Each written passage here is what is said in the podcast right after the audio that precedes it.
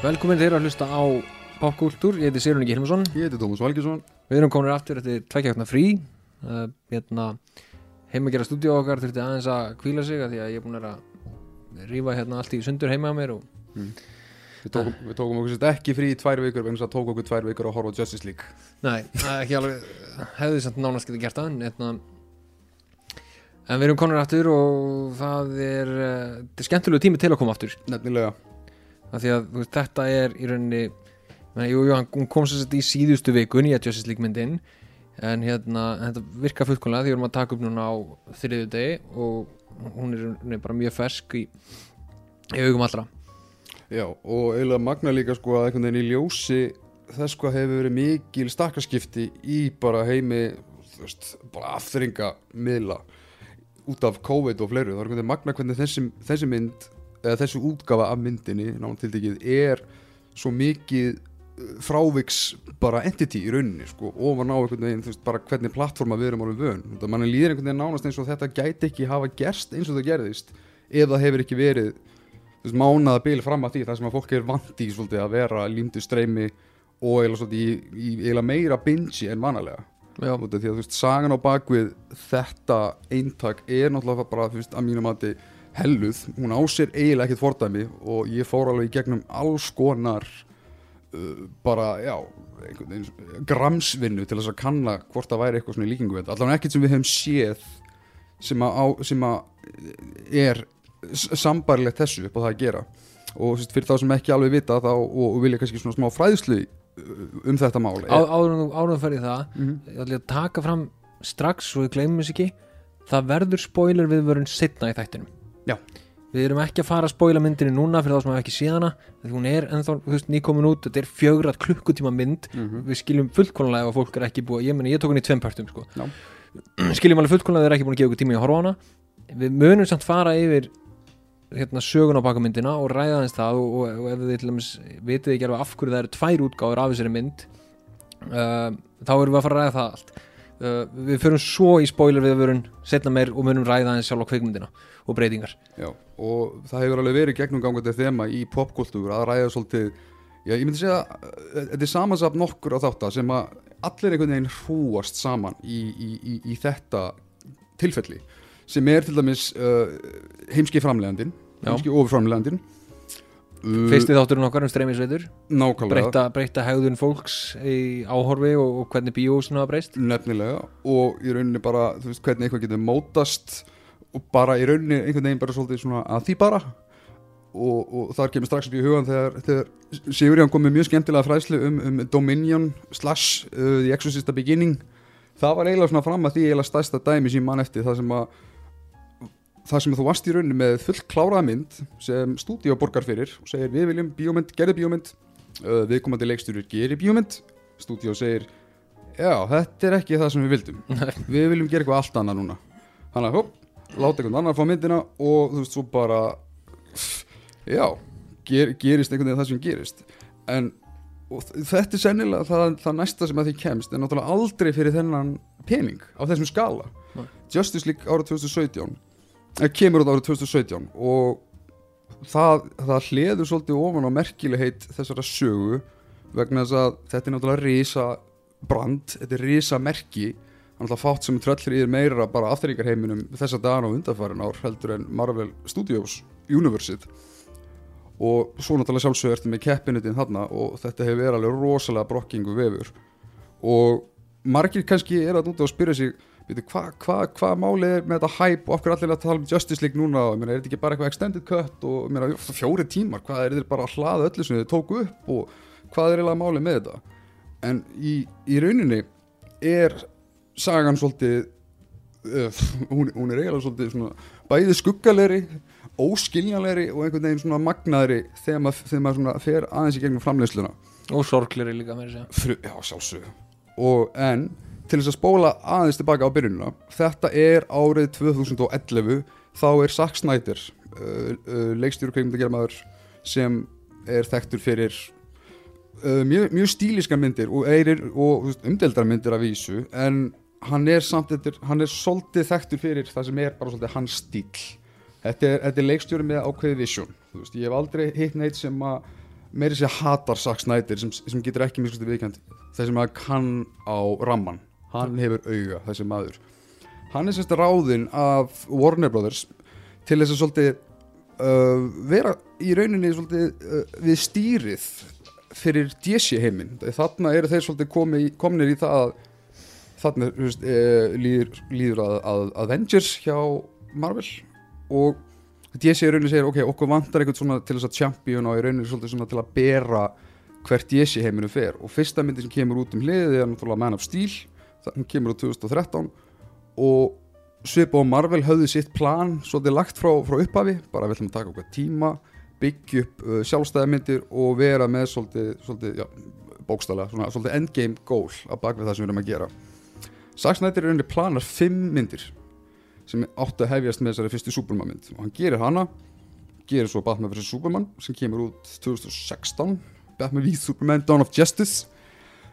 Og súmynd lendir með frekar volgum eða í rauninu frekar svona hrægamalegum viðbröðum viðtökum, Þetta er líka, svo mynd er líka góð hugmynd á pappir mjög. Að því að sko, þú ert með eina myndi Súbmann til að í rauninni svona sína eins og ok, þetta er Súbmann sem við erum að gera. Þú veist, við höfum fengið Richard Donner útgána við höfum fengið Súbmann vs. Mole Man sem við talar um. Um, Súmar í törn sem engi vildi. Já, Superman Returns sem var aftur svona Richard Donner hún átti að vera beint framald af fyrstu myndina eða ekki? Uh, Jú, uh, nei, hún var, já, hún var svo- svona rétta framhaldið innan gæsalaba af með tvö. Já, og var svolítið svona nixa þrjú og fjúr um, og þú veist við höfum aldrei fengið einhvern veginn svona Superman mynd sem að virkilega greip fólk nema þú veist Superman, Já, Fyrsta 70, mynd. 78 já og það er komið mörg ár síðan uh, þannig að þú veist að komið á stíl og virkilega svona segja þetta er Superman okkar, þetta er það sem við erum að að gera Já. uh, og að setja vs. Superman sem næstu mynd er eins og segja ekkert slæm hugmynd á pappír af því að þú ert með á mótanum örgulega kvikmynduðustu ofurhetju allra tíma ert með Batman. Já. þú veist, það veit allir hvað Batman er og við erum nýbúin á þeim tíma með sko heilan þríleikum Já. þannig að þú þarft ekki að búa til aðra útgáfu af svona Batman origin sögu.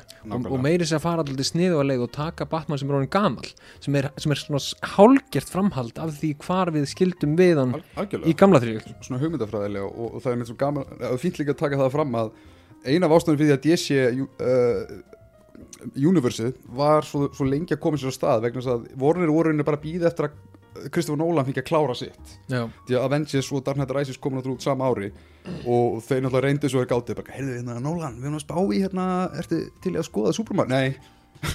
Heyrðu, uh, Christian Bale, ertu til að vera áfram? Já, já, ef, að- ef að Kristofur Nolan segir já. Þannig að þeir þurftu að byrja frá byrjun sama hvað, en ef þú horfir á Man of Steel þá sérðu það voru alltaf svolítið lagðir brauðmólarnir fyrir að það gæti verið eitthvað meira veist, það er tilvísunar í, í, í LexCorp sér mér að segja Wayne uh, Enterprises uh, hvað var það, gerfitungl og uh, Man of Steel var svolítið bara það gekk svolítið hispulust fyrir sig. En mér skilst líka að það að vera vegna þess að það er eina nýja Jesse Universe myndin það sem að Christopher Nolan hann svolítið svona leitt hann inn í sitt eigi dæmi. Hann var aðal framleiðandi á Man of Steel og þannig að Zack Snyder fekk að vera svolítið le, hann- þeir leifðu hann svolítið bara að gera sitt. Man of Steel kemur út og hún er ekki alveg þessi þessi, þessi biljón dólara mynd sem að DC vildi en þeir hugsaðu ok Uh, ok, en, en, en næsta verður stór þegar þú veist, við erum með Batman í næstu mynd og við ætlum að kynna Wonder Woman. Og hún er ekki, og mikilvægst, hún er ekki hötuð stíl, alls ekki, hún, fólk tekur vel í hana. Meni, jú, jú, umdelt ákvörðun þarna í, í lokin veist, ok, þú veist, hún var spoiler alert eða það við ekki séð hana, en þú veist, Superman drefur Sod og hérna, sem er eitthvað sem að Superman basically gerir ekki, að drepa. En með þeirri ákvörðun var einhvern veginn bara svona stimplað veist, þetta er, á, þetta er leiðin sem við erum að fara. Superman tekur hérna mjög stóra ákvörðun um að drepa Sod og það er rosa stórt og tilfinninga mikið atriði mm -hmm. sem ég fannst virka vel á þessum tíma sko. Ég er ennþá mjög hrifun af því hvert, hvert myndir fór.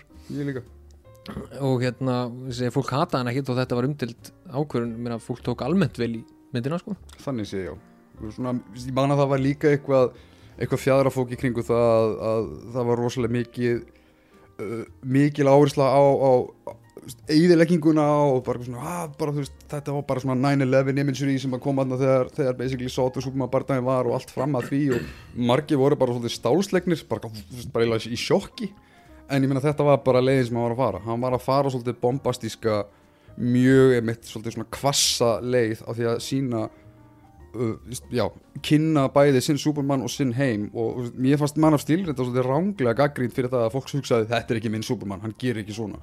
Og ef við höfum ekki fengið heila mynd um Superman áður sem er svolítið um hann að losa sig við hjálpardekkin eða svona vera á fyrstu skrefunum Já. Þú veist, einhvern veginn þarf hann að læra sinn móral út frá uh, því sem hann lendir í. Og þetta var bókstæðlega fyrsti bardagina svo öll myndin er um það að hann er að svolítið að grappla við það hvernig einstaklingur eða ofurhetja eða bara svona ofurmenni bókstæðlega vill hann vera. Ég hugsaði líka á þeim tíma þegar þetta aðrið kom út og allir voru svona "Heyrðu, þetta er of mikil eðilegging og veist, þetta er rosalega óþarft af því að hann lemur hann í áttina að borginni í staðin fyrir að lemja hann í áttina að engu. Já, en ég hugsaði ok, það er samt öruglega verið að plana eitthvað meira hérna. Já.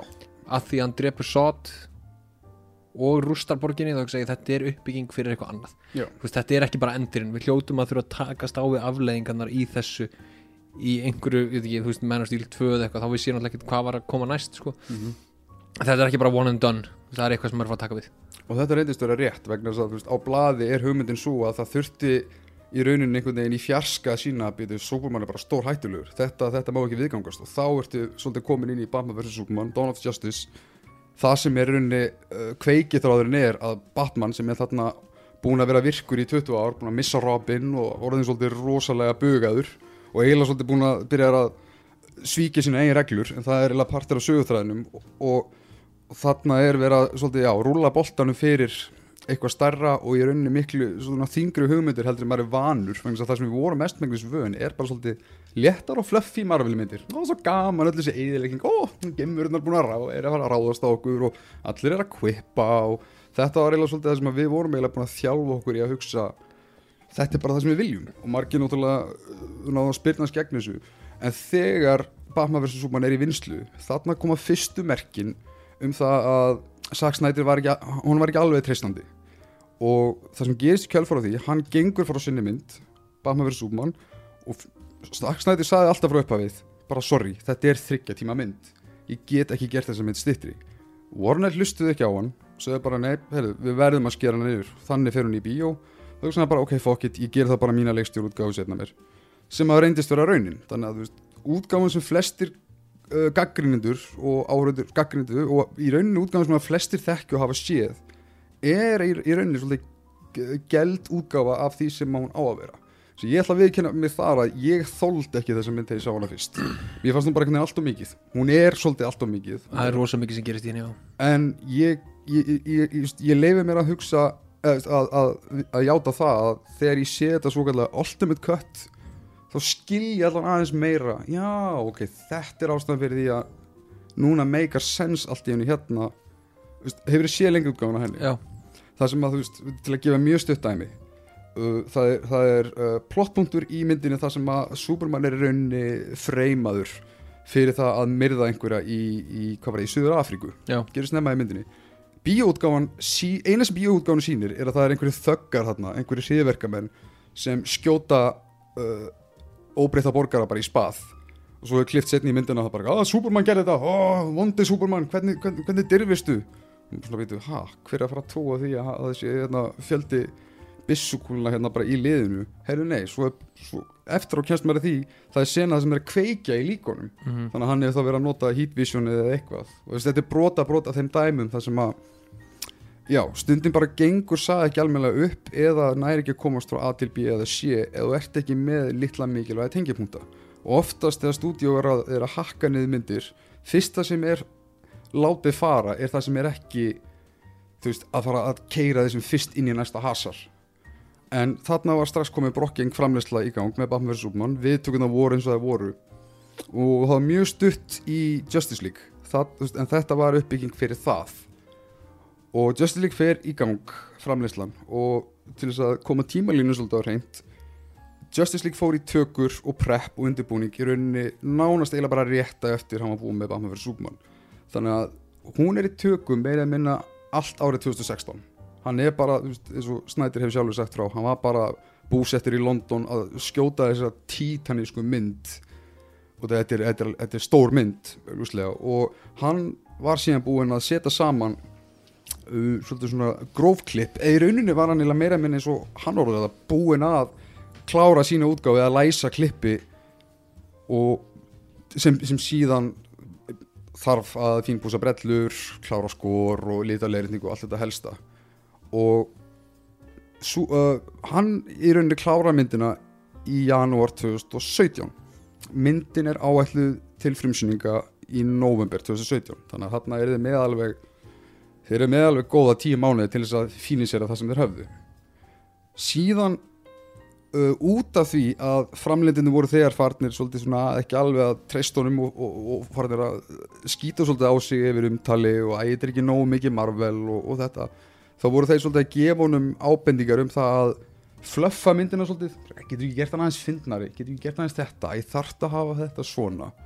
Og þarna myndaðist bara massíft tókstreita og eins og leikstjórun hefur sjálfi líst þessu þá, þá, þá er rauninni gefa honum alla þessar nótur og bara, herðu, vilt ekki skjóta alltinut útgafa þessu og gera aðeins meira hér til þess að létta upp myndina og, og gera hann svona ekkit það bara gera hann aðeins meira Marvel, please.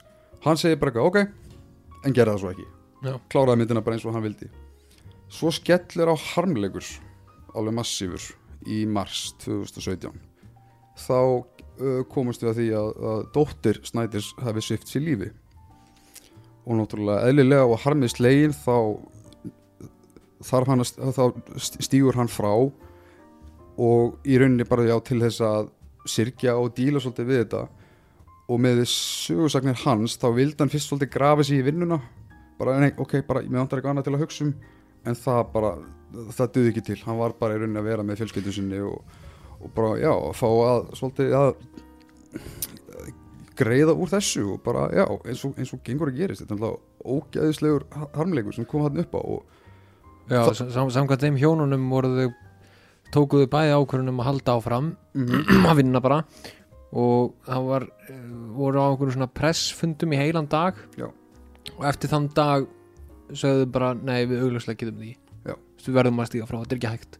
Og fyrsta myndin er meira eða meina tilbúin, þannig séð það er alltaf búið að læsa klippi sem því það að það þarf bara að yfir sjá eftirvinnslu. Til dæmis eins og, þetta er allt storyboarda í tætlur þannig að það þarf í rauninni bara að hafa yfir umsjón með brelluskotum sem þarf að gefa samþyggi, nei þetta er ekki nógu gott gera meira svona, nei, að láta shine-in hérna vera aðeins bjartari og, og þess áttar og svo byrja á hljóðklippingu og þetta típiska. Þannig að á meðan þarf, uh, stígur frá þá er Joss Whedon í rauninu svolítið bólaður inn í þetta. Fengin inn í þetta og fyrst kemur fréttatilkynning sem er í kringu þetta leiti sem er, minnir í kringu mæ á þessu ári, 2017 og í fréttatilkynningu segir að Joss Whedon hafi verið ráðinn inn í rauninni bara til þess að klára myndina hans Snyders Já, til þess að hafa yfirumsjón með eftirvinnslu. Og samkvæmt þeirri fréttatilkynningu þá var það vist eitthvað sem var gert í samráði við Snyder og þetta reyndist vera ránt þetta reyndist vera bara bullandi legar rosalega líka hérna dölafullt að ráða inn gæjan sem að gerði Avengers og Marvel myndinar mm til að klára myndina hann snætist þegar þeir eru búin að byggja hann um að gera hann meira Marvel sko. og, og hvað þá bara til þess að vera skilur við, já, bara hann eitthvað að hafa yfirsýn yfir ykkur sem að já, var náttúrulega ekki hans mynd. Og svo með myndum svipa leiti ég tilkynnt. Ah, Joss Whedon mun, mun, mun, mun leikstýra uh, hvað var það, Batwoman mynd. Já, þannig að maður fekk svolítið þessa tilfinningu á, á, framleiðendum að þeir hafi fengið Snyder og hugsað eða sagt ok, uh, ef þú bjargar Justice League þá máttu fá Batwoman. Þannig að bara og fyrst það er ekki Snyder til að svara fyrir sig þá uh, komu kröfunar af færibandi bara hey, við verðum að, að fleffa þessu mynd. Það þarf að uh, byrta hana til við þurfum að stytta hana gera hana í rauninni bara að meira, já, krakkavætni og meira svona í líkingu við það sem að þeir halda í rauninni að áhörfundur vilji. Og það sem tekur þá við og enn og aftur það er cirka byrjun sumars, það er mæ myndin er væntaleg eftir hvað rúmt hálft ár, ekki einu sinni það. Mm. allavega það þarf að klára myndina fyrir þann tíma. Og Snyder, það er enn eiginlega svona óljóst en Snyder, nei, nei, nei, sorry Joss Whedon hefur ekki svarað fyrir uh, sína þáttöku í þessu þannig að það er svolítið óljóst hvort að uh, Whedon hafi í rauninni tekið yfir með meira frumkvæði heldur en áður stóð til eða hvort að þeir hafi bara hugsað björgum eins einhvern veginn. En það sem tekur þá við eru reshoots. Og þarna ekki mér aftur frétta tilkynning að í rauninni að bara að ætlum að aðeins að bara svona laga hitt og þetta eða bæta við og, og því að reshoots er ekkert óalgengi í Hollywood. Nei, nei, og það getur verið bara eitthvað pingu lítið sko stundum bara þarf að snirta línur eða gera eitthvað aðeins skýrara eða það þú veist vantar aðra tök á þessu. Þetta er bara mjög eðlilegt ferli. Og í þessum frétta tilkynningum á þeim tíma var í rauninni gefið upp og það var staðfest þá að þessar endurtökur myndu kannski nefn nem upp í 10-15% af heildalengdinni Já, það reyndist líka að vera kolramt. Og spólum aðeins áfram og það er komið mitt sumar uh, cirka júli-ágúst þá fara að leka fréttur um það að Snæder er í rauninni farin að skrifa hátt í 80 blaðsjur fyrir þessa endurtökur. Já, vítan Sæði aftur Snæder? Já. Já, já Whedon já, já, og Whedon er í rauninni bara svolítið að yfirtaka myndina. Og setna meir kom í ljósa að Whedon í rauninni hataði klippið sem að Snæder hafi gengið frá. Og en, en hann tekur við öllum þessum nótum segir bara já, ég ætla að gera hann að finna ég ætla að gera Justice League eins og ég sé þá nota þannig grunn sem ég hef og nota benni, grunninni sem hann hafði þetta er, við erum að tala um fjö, fjö, fjö við erum í raun að tala um þryggja hálstíma mynd eins og hún var tilbúin þá. Áttun að vera svona löng.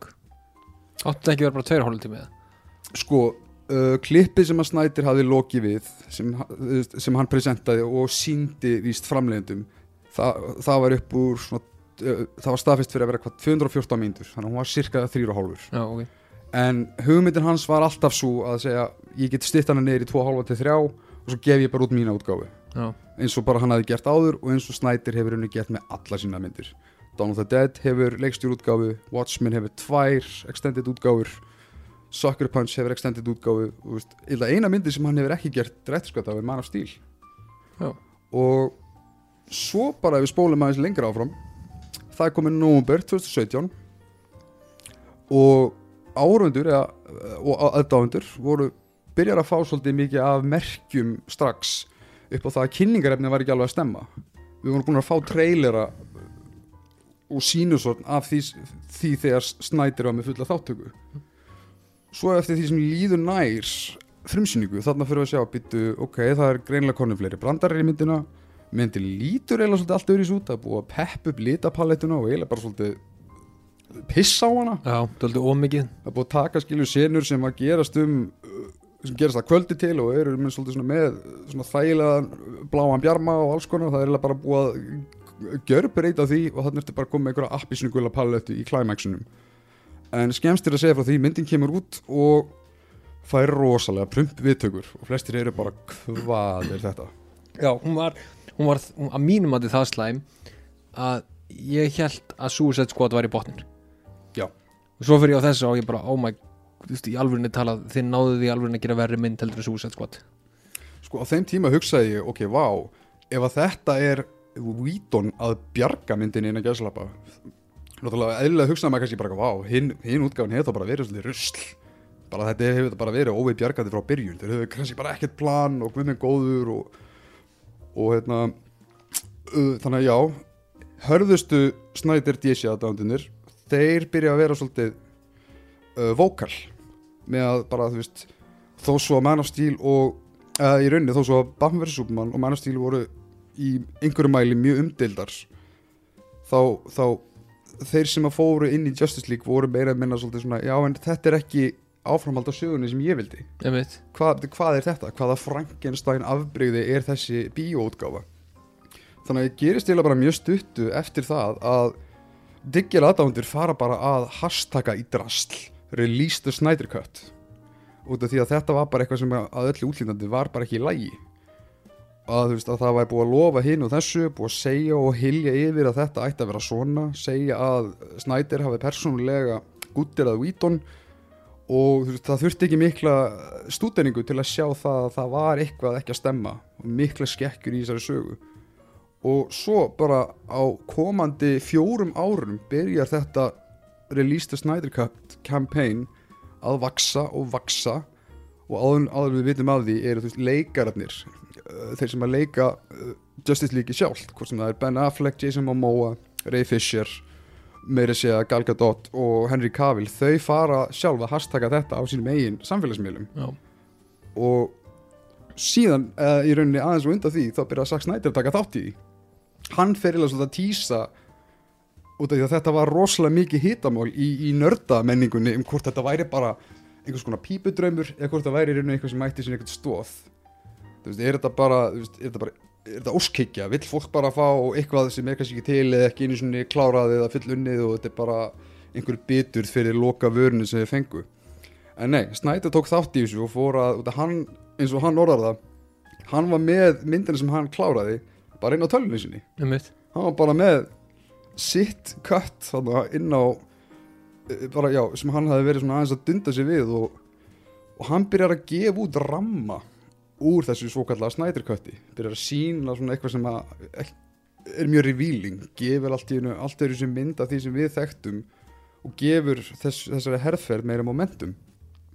Og það sem gerir síðan líka í þessu öllu á þessu, í þessu ferli er að þú veist, og, og, og þegar, þegar, þegar ég er að segja sko að aðdándi voru diggir og mikið að hamra á þessu hashtaggi ég hef aldrei séð neitt í líkingu við hversu langt þetta var tekið.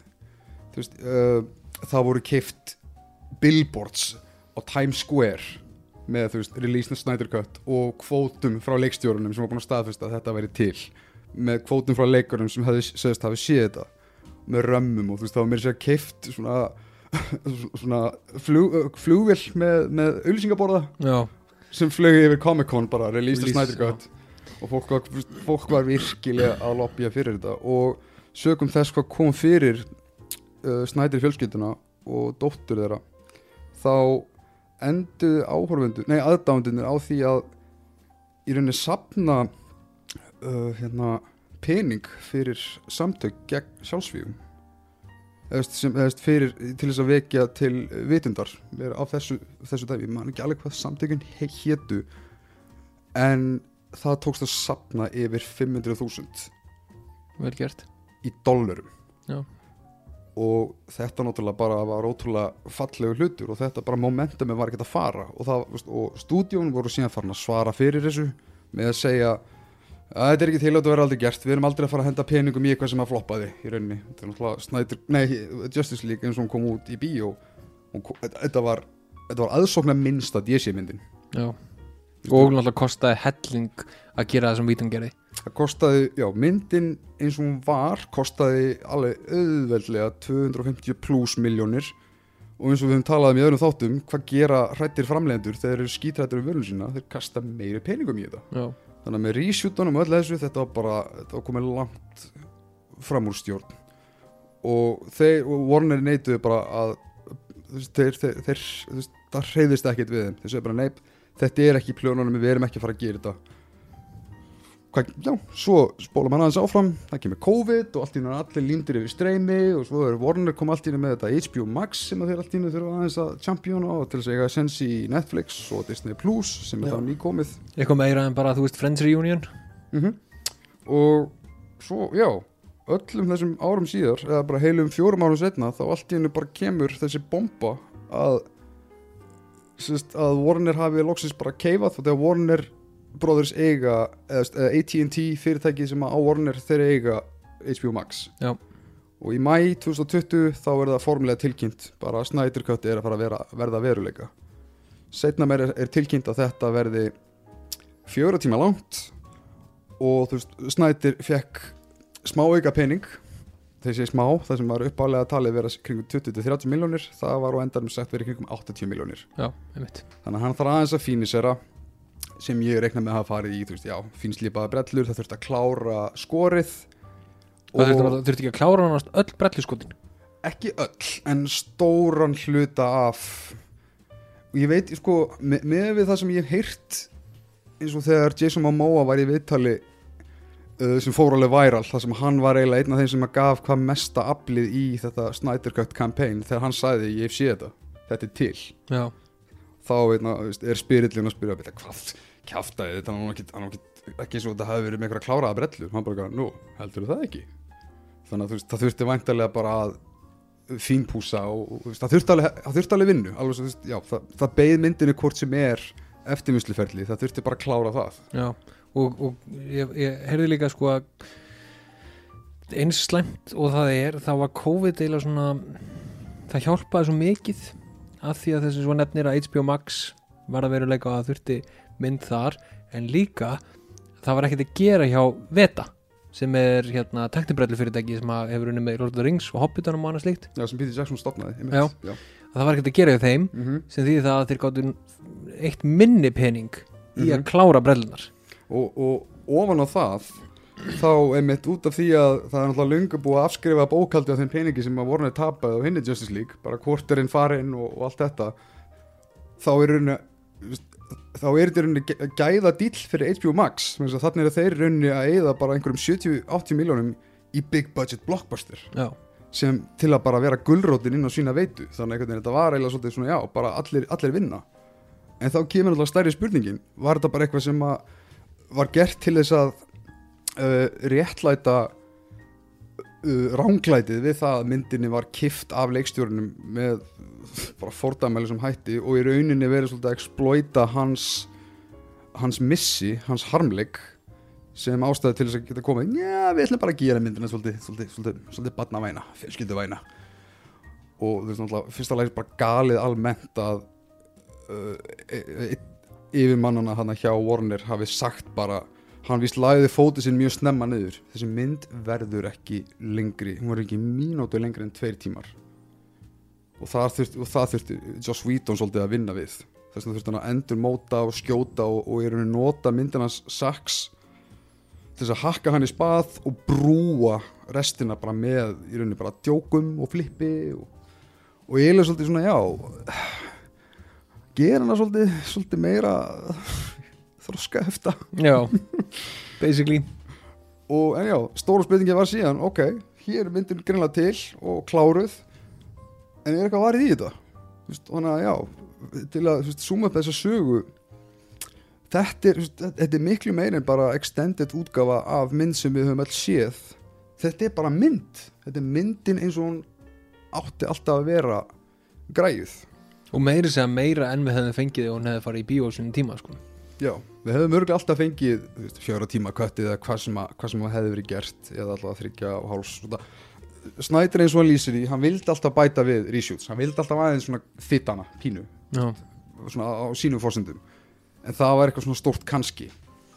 En já, Snædur köttið var sérst gefið út 18. mars við, við undarlega mikil fögnuð. Bæði bara frá uh, DC aðdáendum og þú veist já, Snædur fjölskyldinu og öllum sem koma að myndinni og þetta var náttúrulega bara stórt win en já, stóra spurningin var alltaf er eitthvað varið í þetta, þú veist, eða er bara verið að lengja mynd sem við þekkjum fyrir? Og það er svolítið stóra umræðin í þessu öllu en við fyrir mig spoilera.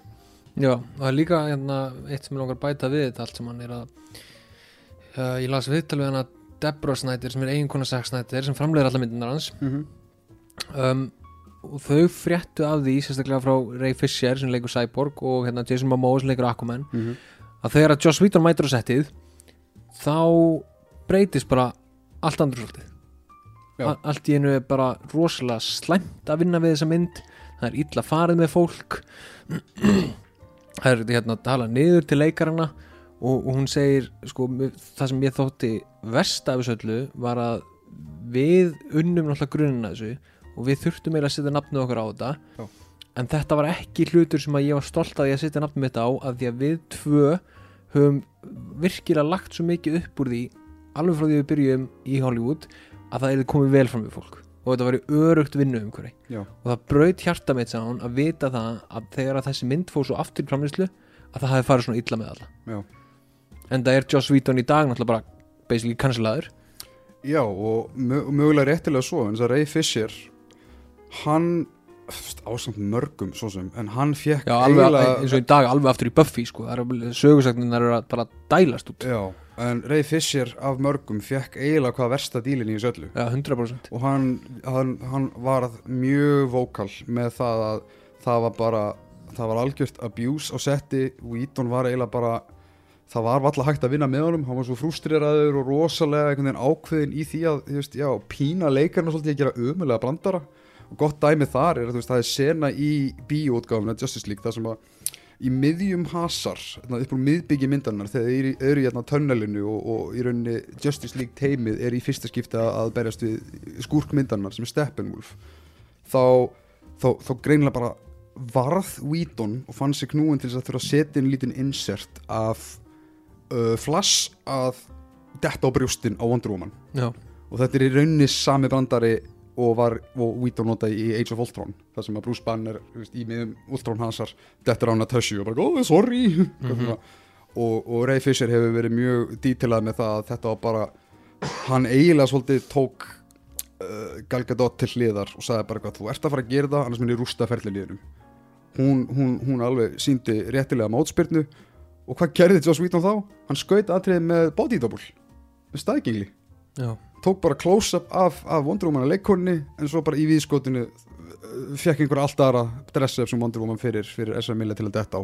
Ótrúlega fárulegt og þetta var vist bara á eitrið á settinu. Og mér er gott að bendrið mynd á það að Snyder teimið, Deborah og Zack Snyder þeir hafa mikið einmitt akkurat lagt upp úr því að þau sem þau vinna með að þeim líður vel. Það er ástæða fyrir því þau eru oftast með sama krú á myndunum þeirra, þetta Já. er bara fjölskylda. Þau eru rosalega gott dæmi og, og að öllu útlýndandi líka ef á viðtöl við Snædur og sérstaklega í dag í kjölfar alls sko, veist, þetta er bara hann er svolítið knúsanlegur. Ég veit ekki hvernig að orða þetta hann, einhvern veginn, hann, bara, vir, hann bara geður frá sig einhvern væp það sem ég hugsa ég, ég veit það ekki, ég kann einhvern veginn að meta meta hann. Og eiginlega bara svona idealisman hans á bakvið á bakvið hvernig hann vinnur og, og, og, og hvað skiptir máli. Og uh, Ray Fisher Cyborg aftur, hann meira eða minna eins og hann saði sjálfur öll, flestar senundar hans voru teknir upp á nýtt Já. og því að það var eitt af því fyrsta til að fara. Einmitt, og magnað að taka fram líka að í rauninni eitt af því ef það er eitthvað sem að lág fyrir að þurfti að stytta og taka út það voru sena með fólki úr minnilegdu hófum tókst eftir því? Já, alveg, það er alveg gegnum gangandi. Getur, já. Joe Morton sem leikur pappans, hann fekk í rauninni ekki neitt að gera. Var hann í 2017 útgáðni eitthvað smá bara þú veist, örlítið. En fekk, fekk valla neitt til þess, að, til þess að gera. Svo ertu með heila senu sem kynir flass þar sem hann er að bjarga blökkukonu hún, hún var látin fjúka og- en var samt, það voru samt leifar af henni og, og dót og þetta var alveg þvílíkt dæmi á sín tíma sem að já, við fengum bara hvert Justice League trailerinu eftir, an, eftir öðrum. Og við sáum bara, býtu, hvað er þetta? Ég er að sjá sömu senu, það er greiðlega búið breytinni nú sé ég eitthvað þarna sem er ekki áður. Og margir fóru raunin bara að týna saman þegar svo bíótgang kemur að já, sjáðu allan að sarpa af stöffi sem var eftir. Já, mér finnst þetta alveg sko, mér finnst þetta langar alltaf, mér það negla alltaf á þennan punkt með snæðurinn að þú veist, þó að þú sért kannski ekki aðdáðandi myndan hans og, og, og eh, allavega hugsa þess um hver þessi gæi er og þú veist, reynda líka vel við hann að því þetta er rosalega sjald séð að svona teimi í Hollywood virkilega sjáu svona vel fólki sitt Já. og þetta sé hluti af teimi sem að, einmitt, eins og segir, fær sama fólki til sín aftur og aftur og aftur á meðan að þarna eru við með Vítón sem að var sko gjössanlega dyrkaður af internetinu Já. í svo mörg ár og hérna og kemur í ljós núna að gæin er bara complete fáiði já, og, og rosalega mikill svo týrant þegar kemur að sínu visjóni sem er skrítið út í að Zack Snyder er meira visionary leikstjóri heldur um Whedon nokkuð tíman já, en Whedon með alla sögur sem það hefur einhvern veginn sapnað saman Whedon er svolítið gæn sem er bara eitthvað já já, það er þín skoðun, en ég ætla að gera mitt. Já. Og fyrirverandi konunas Vítóns steg mér þess að fram Kai Cole, já, steg fram og sagði sko þessi gæi er að blekki ykkur öll ógeðslega vel. Mm hann er með Buffy þættina allamis og hann setur þar kvenmenn í hérna fórustu Já. en ég er að segja ykkur að maðurinn er kvennhatari. Veist, hann, er, hann er að gera þetta allt bara til þess að reyna bí, búa til ákveðna ímynda sér. Þetta er ekki gæinn sem að ég haldi þessi hann vil fá stíin, feminista stíin Já, en er bara langt frá því að vera á þeim stað sko.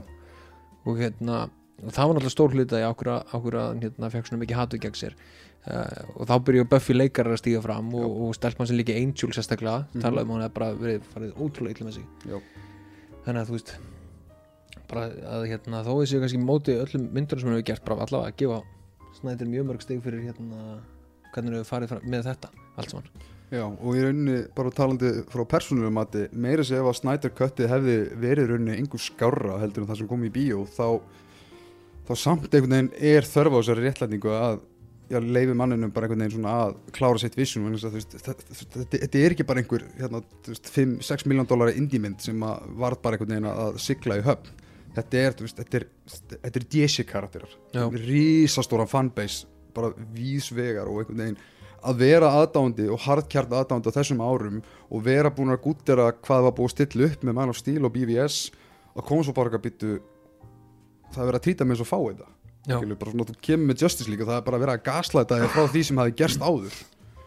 Og bara þú veist til þess að Joss einhvern veginn var að setja sitt imprint á myndina og þú veist já, svo einhvern veginn ertu með uh, já, mynd sem er risastór ótrúlega lung en þetta er, þetta er algjörlega Justice League myndin sem við hefum átt að fá.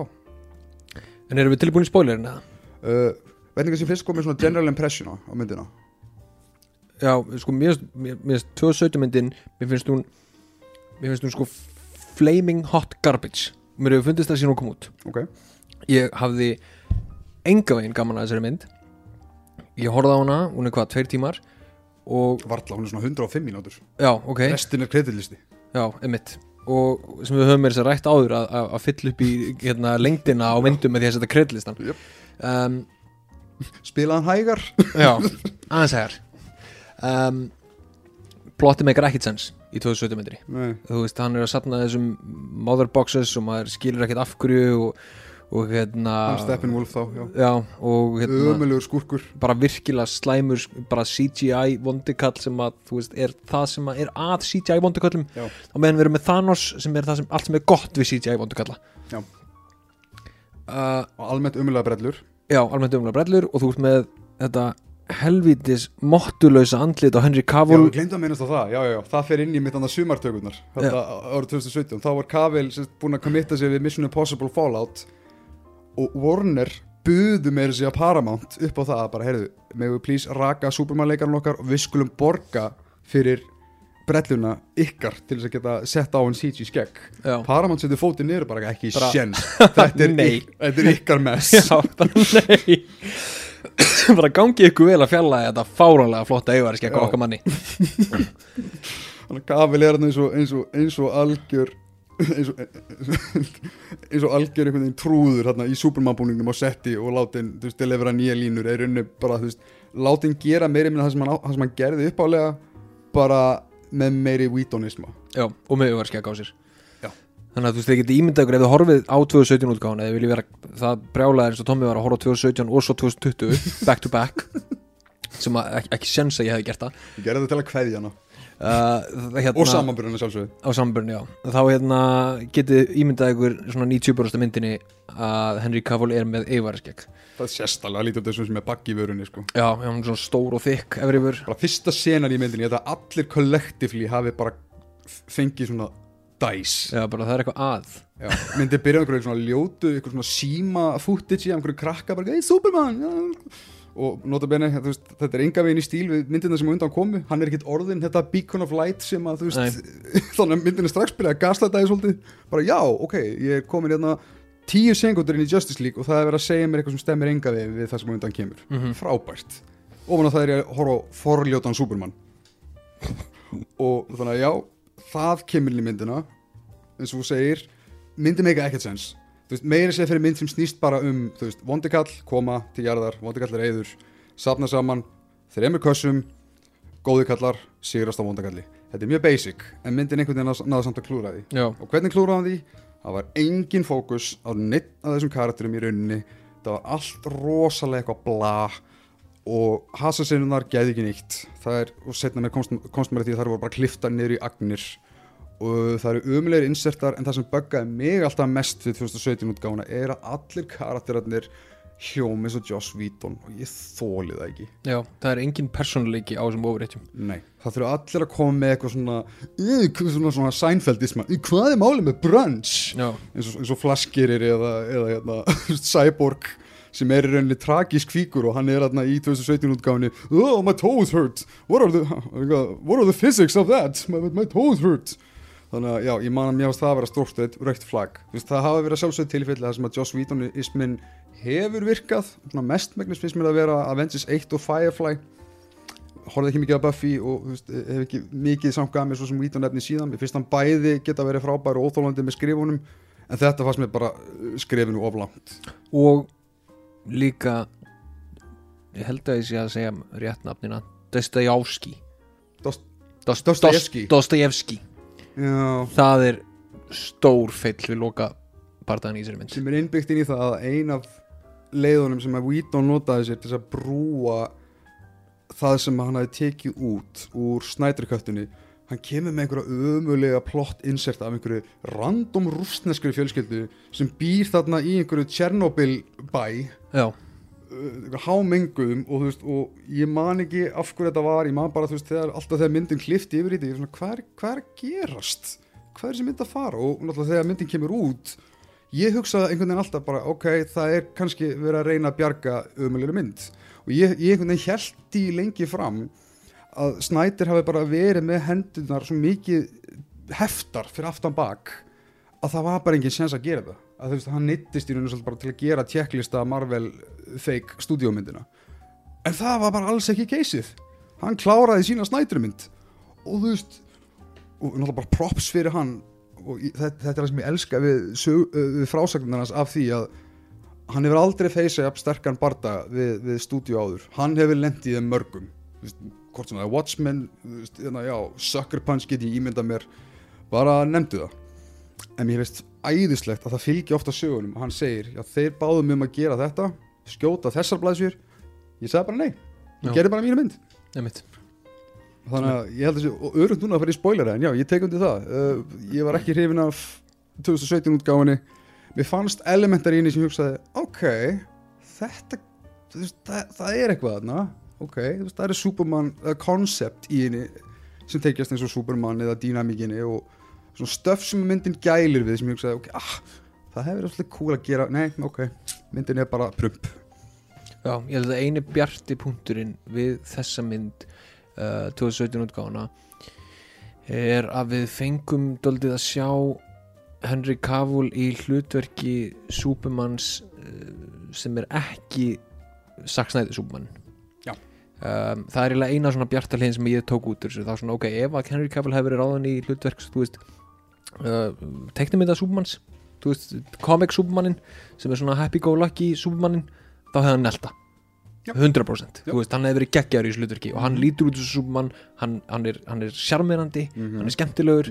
Veist, ok, við fengum þessu útgáðu Superman ég, ég digga það, þú veist, förum bara áfram með það skilur en, en já, þetta hefði virkað. Og hann hefur sagt sjálfur náttúrulega Henry Cavill hann, og honum langar að gera Superman 3 leik halda áfram með sinn karakter eh, og fara aðeins meir í svona Supermanin sem hann verður sem við þekkjum. Ég svo eftir á að hekja kemst maður síðan að því að þetta var alltaf í spilunum hjá Snæder við vorum bara svo óþólum Já. við, margir horfða menn á stíl og bara þetta er ekki Superman eins og ég þekkja hann. Margir horfða Batman Superman. Bara, af hverju er hann svona ógslag þunglindur og rosalega eitthvað dáur?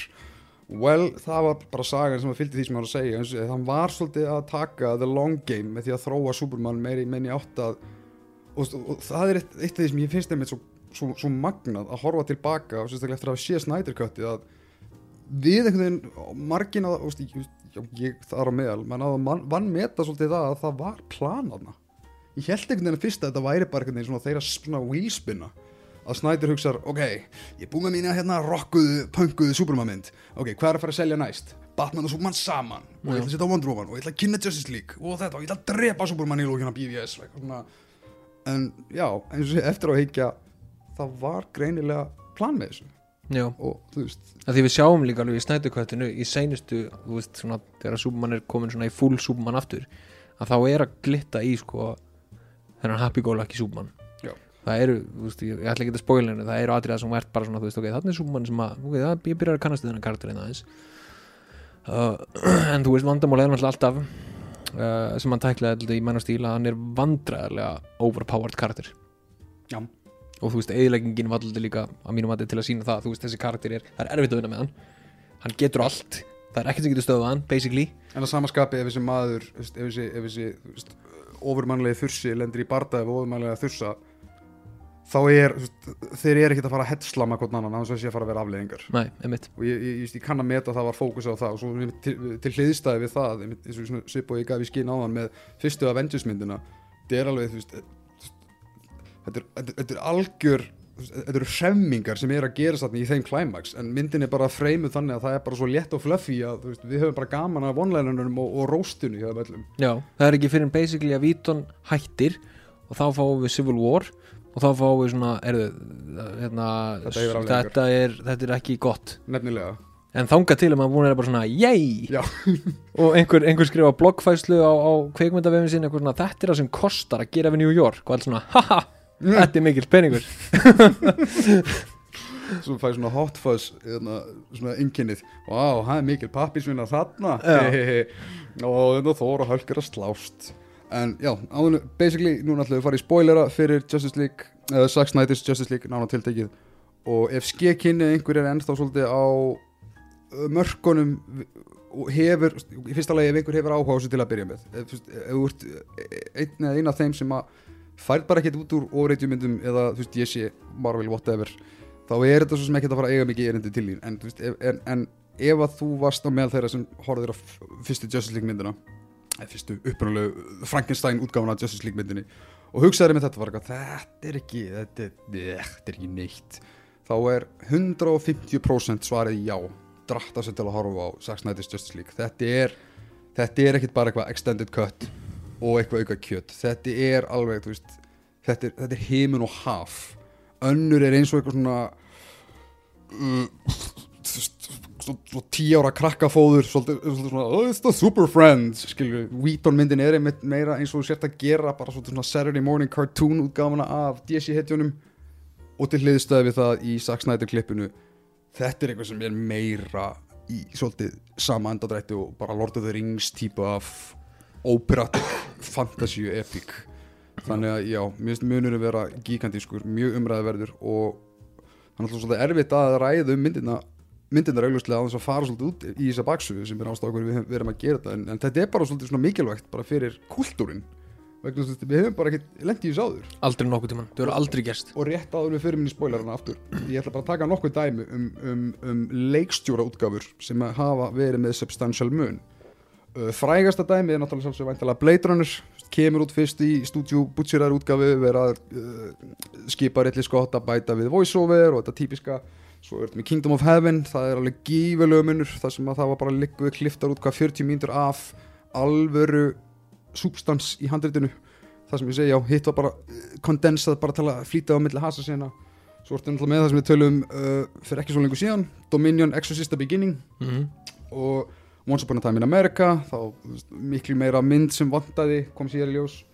Og eitt sem er eh, líkt þekktara sem er risastórt en út í að myndir er ekki það stór þá kannski eh, er ekki margir meðvitar um það. En það er mynd sem að lendi sérstaklega í Harvey Weinstein skærunum, það er myndin 54 frá 1998 Ég veit ekkert hvað mynd það er. Þetta er mynd um uh, skemmtistæðin, diskoklubin, Studio 54 um, með Ryan Philippi, Selma Hayek uh, Brecken Myers, Mike Myers á hérna stórleik. Þetta er- örglega það besta sem ég hef síðan leika ándjóks, Já, ok. Nev Campbell er hérna líka. Og myndin var algjörlega rísjútuð frá með í rauninu uh, miðbyggjunu gefin út í umulega geldu formi. Og það var ekki fyrir 15 til hvað 17 árum síðar. Nei, var, já, hún kom í 98 það var ekki fyrir hvað 2015 þar sem að leikstjórin færi loksi sína útgáfu sem er bara actually gæða mynd. Það er mjög erfitt að finna þessa mynd. Ég maður bara hvað ég var spenntur að sjá þá útgáfu og út af því að myndin er að díla náttúrulega við svolítið svona uh, hvað 70 skemmtana lífið og fjalla náttúrulega um bara eitthvað, suppulegasta, svakalegasta, umræði verðasta svona celeb skemmtista allra tíma sem er einmitt, já, þetta Studio 54 þá er myndin alveg löðrandi í grættu það er eitulif og það er nekt og það er bara allt einhvern veginn að gerast. Þetta var eitt af því fyrsta til að fjúka. Og Weinstein sagði vist um þá mynd á þeim tíma "Eh, þetta er óhomalegt, takt út allt þetta. Aðalkartin má ekki sína merkjum að vera bæ eða. Þau- ef þið vilja googla ykkur til þetta ég hveti ykkur eindreið til þess, þetta er svakalegt dæmi. En aftur þetta er að smæri skala. Og nú fyrir við í spoilera. Ég með eitt dæmi viðbót í það. Ok, uh, sem er mjög nýtt. Kom bara fyrir einhverjum mánuðum síðan það er Godfather 3 hún bætist það líka í listan já, það kom endurgerð útgáfa, endurklift útgáfa henni núna bara nýlega sem að er víst útgáfan sem að Francis Ford Coppola vildi gera. Það, er, það, það er samt alveg líka bara svolítið öll þau dæmi sem ég nefndi jú, þetta eru leikstjóru stundum að klasja við framleiðendur upp á, veist, á að hafa uh, þetta A, B eða Upsilon ef við höfum aldrei lent í því að eitthvað fyrir svona mikið pening hefur verið höndum tvekki gerólíkara leikstjóra. Nei, og með þeim hætti sem þetta er núna. Þannig að já Justice League, sérst, We Don't Cut er kallað Justice League á internetinu. Þetta er, þetta er bara afskræmt fróða og við ætlum núna í meiri spoilerum að tala um snædir klippið en ég sem einhver sem hefur ekki sem ég, ég haft rosalega konfliktað álit á snædirmyndum mér alltaf finnst það ótrúlega flottar. Það eru sjúklega flottar já. Bara, veist, ég man það að traileri fyrir Sucker Punch kom út ég bara, það er allt í þessu sem ég vil. Nema handrit. Já, nema sem handið sem einhver, einhver svona ákveðin stóður var í. Og þú veist, ég virkilega fíla lukkið á Watchmen, ég fíla Watchmen svo mikið. Svona, en já, þú veist, en þú þarft að vera, þú, sko, ég ég, ég digga Watchmen veist, hérna, lengstu útgáfuna sjúklega mikið. Ultimate Cutter með teiknumyndinni já, en, drættiskvætti frábært en, en þú þarft samt sem aður að vera tilbúin til að sætta þig við breytingarnar sem voru gerðar sem frámyndasögunni Já, það er kannski minna breytingarna sem að meira sko, sko mér finnst nefnilega Snæder hafa svolítið þróast sem leikstjóri í því, þeim skilningi að einu sinni snýrist allt bara um að vera cool. Alveg svolítið frá með, ég er þetta að fíla of the Dead en frá með 300 og svolítið upp úr og sérstaklega Sucker Punch það var alltaf svolítið þessi djókur í kringu Snæder um að það bara svona, eða looks cool. Ok, stelpur í smá pilsum með samræðsverð það er berist til drega og World War II zombia. Þetta er svona, ok, ok ég skil, þetta er cool. Og hann tók náttúrulega svolítið substansinn úr Watchmen einhver leiti og veist, það var svolítið case þar sem ég fannst hann ganga aðeins og langt í slow-mónu bara því að það var svo mikið meira hægt að segja og gera við söguna. Í menn og stíl í, Watchmen. Í Watchmen, já, já, hann var já, hann var alltaf ert- þú ert líka með eitt, með eitt versta kynlýsadriði í sögu kveikmynda já, svolítið, excessive. Pínu fyndið en, en, en svona, já, hægir á hraðanum. En það er líka svolítið með það að gera að Watchmen í eðlisínu er akkurat uh, krupning á ofreitju konseptum og formúlum og er svolítið um einmitt þú veist, þessa, þessa pælingu með hvernig, hversu fucked up og skemmt væri þetta fólk í alvörinni og hvað væri hérna bakvið svona ofreitju mythológíinu á meðan mér snæti taka sögu sem gekk út á það og var líka svolítið að að búa til svölu ofrættjumyndina með sína líka. Já, þannig að þegar koma eins og hasaserum í Watchmen þá var hann svolítið svona, yeah, ok, þetta er ekki cool. Og meðan myndasann er bara eitthvað, þetta er horrifying. Já, en talandi um Man of Steel og slow-mo það er mjög lítið slow-mo í henni já, það er ég, mín, sko, það sem ég man er, er mest nægist bara flugadriðin, þú veist, þegar hann er að fara að stað og eitthvað. Og það er meira þess að callback í það í menn og stíl, nei, í, í League. Já, og þú veist ég, já, ég horfði með þetta aftur nýlega á Man of Steel og horfði líka aftur á Ultimate Cut á BVS og ég digga svo mikið hvernig Man of Steel er sko fyrir það fyrsta tók ég ekki eftir því áður að myndin er öll handheld. Hún er ekki svona, svona glossy uppstilt eins og, eins og flesta myndirna það segir hún er rosalega intense og visceral og ótrúlega flott pacing á henni. Og já, svo leiðir þetta yfir í Justice League það sem að í dag verður svolítið að líta á þetta þannig að hann er að klára veist, þríleiki sinn en að gæslappa en þetta er náttúrulega bara þriðji bitin í eitthvað sem átti að vera fimm mynda örk. En Jesus hvað ég fíla þessa mynd. Ég elska þessa mynd. Sorry, ég bara það komið svo óvart. Já, en já, til að freyma þetta svipa og, Sigurjón gaf í skýni rétt áðan. Ég gerði svolítið seramóni úr þessu. Daginn sem að Justice League kemur út. Bara ok. Þetta verður fjöru tíma binge. Ég til í það. Sem svona dealswitner eða í rauninni sem, sem svona aukin óþægindi en sama tíma kveðja þá horfum við sérst á undan ég og félagi minn horfum á theatrical útgáfun á undan því. Líka bara svolítið til að vera með það ferskar í minnunu holy shit og í því samengi var við vorum að horfa alla þá mynd og við bara hvað, þetta er insert sér að hára á Wonder Woman, þetta var ekki svona í hinnu skotinu. Já, þetta er insert sérðu green screenið ég sverða mér þess að grínskrinni er svo slæmt í myndina ég gæti svarað það að sumir rammar voru hreinlega bara fristir bakgrunnsrammarnir. Þú sér þetta Jason Momoa að tala í Batcaveinu og mér líður eins og sem er búið að setja hann á ramma sem er bara stabíl eins og búið, já, frista reyfumynd og það er eitthvað svo rosalega jarring. En þú horfður á hann í tjömmupörtum já, hvernig var svona þín upplifun að horfa á hana? Sko mér fannst ég fyrst og fremst uh, er að horfa á sko ég hugsaði með sjálf mér ok, ég er að horfa á basically grunninn að 2017 útgáfunni. Uh, þú veist það er sami, sama plott hérna það er sami vondikall, Steppenwolf er hérna en þá en Darkseid er komin inn í myndina. Uh, en þetta er samt mynd sem að loksins er, og það er lítið skrítið að segja þetta sem þetta er ofriði mynd en þetta er mynd sem er byggð á lógík. Það eru actual samræður hérna um hvað er að gerast. Það er komin ástæða fyrir því að boxin, hann að mother boxes va- vakna. Uh, Steppenwolf er actually komið með ástæðu fyrir því að ráðast á jörðina. Og, og það er basically bara það vantaði alla lógík í hinn útgáfuna. Hérna er komin baksaga og, og virkilega þú veist, karakterin er fá tíma til að anda og ég bara strax einhvern veginn frá fyrstu mínútu þegar ég kveikti á ultimate útgáfunni eða þú veist þessir útgáfu þau hugsa ég ok það er eitthvað annað að fara að gerast hérna núna. Mm af því að hún opnar bara á dauða súpmanns. Og hún opnar á honum að öskra og öskurinn hans að fara um jörðina. Og hugsa bara, þú- ok, holy shit er, ok, þetta er strax öðruvísi. Og þá komist það að því að öskurinn hans er að opna móðubóksin og er bara, ok, vá, ok, nú meikar þetta sens frábært. Já. þannig að þú veist bara á fyrstu fimm mínútum er búið að svara spurningu sem á með alla hina myndina. Já, og ég held meiri sér að það hafi verið í þessu opnunar atriði þar sem ég einhvern veginn það- ég, ég, ég var bjart sín og mjög spenntur að horfa á þessa mynd en einhvern veginn, já síðast sem ég bjóst við vera actually elska Zack Snyder mynd og það var einmitt svolítið út af þessu, þessari opnun þar sem að já, þú sérð sko í rauninni þegar Superman er drepinn sem er climaxin í myndinni sem kom þar áður nema núna settur nýr vinkill á það. Hann er stungin af Doomsday og þú sérð öskrunars mynda svona bylgjur, hljóðbylgjur sem að já, ekki bara vekja motherboxin heldur það er bara allt í einu með þessum eina sequence í kreditlistanum þarna færðu allt í einu bara scope og epic sem að þú hafðir ekki hugmyndum að væri í bóði það er farið alveg sko og, og, og hugsaðum þetta hvað þetta er góð kynning bara á, á, á, á því sem er í veist, það er, þarna eh, stillir upp og establisherar. Þetta er áhrifin sem þetta hefur á Amazon aspektin, Atlantis aspektin við kynnumst Cyborg við kynnumst bara svona, já allt í einu færðu sens fyrir því að það er öryggi í frásögninni.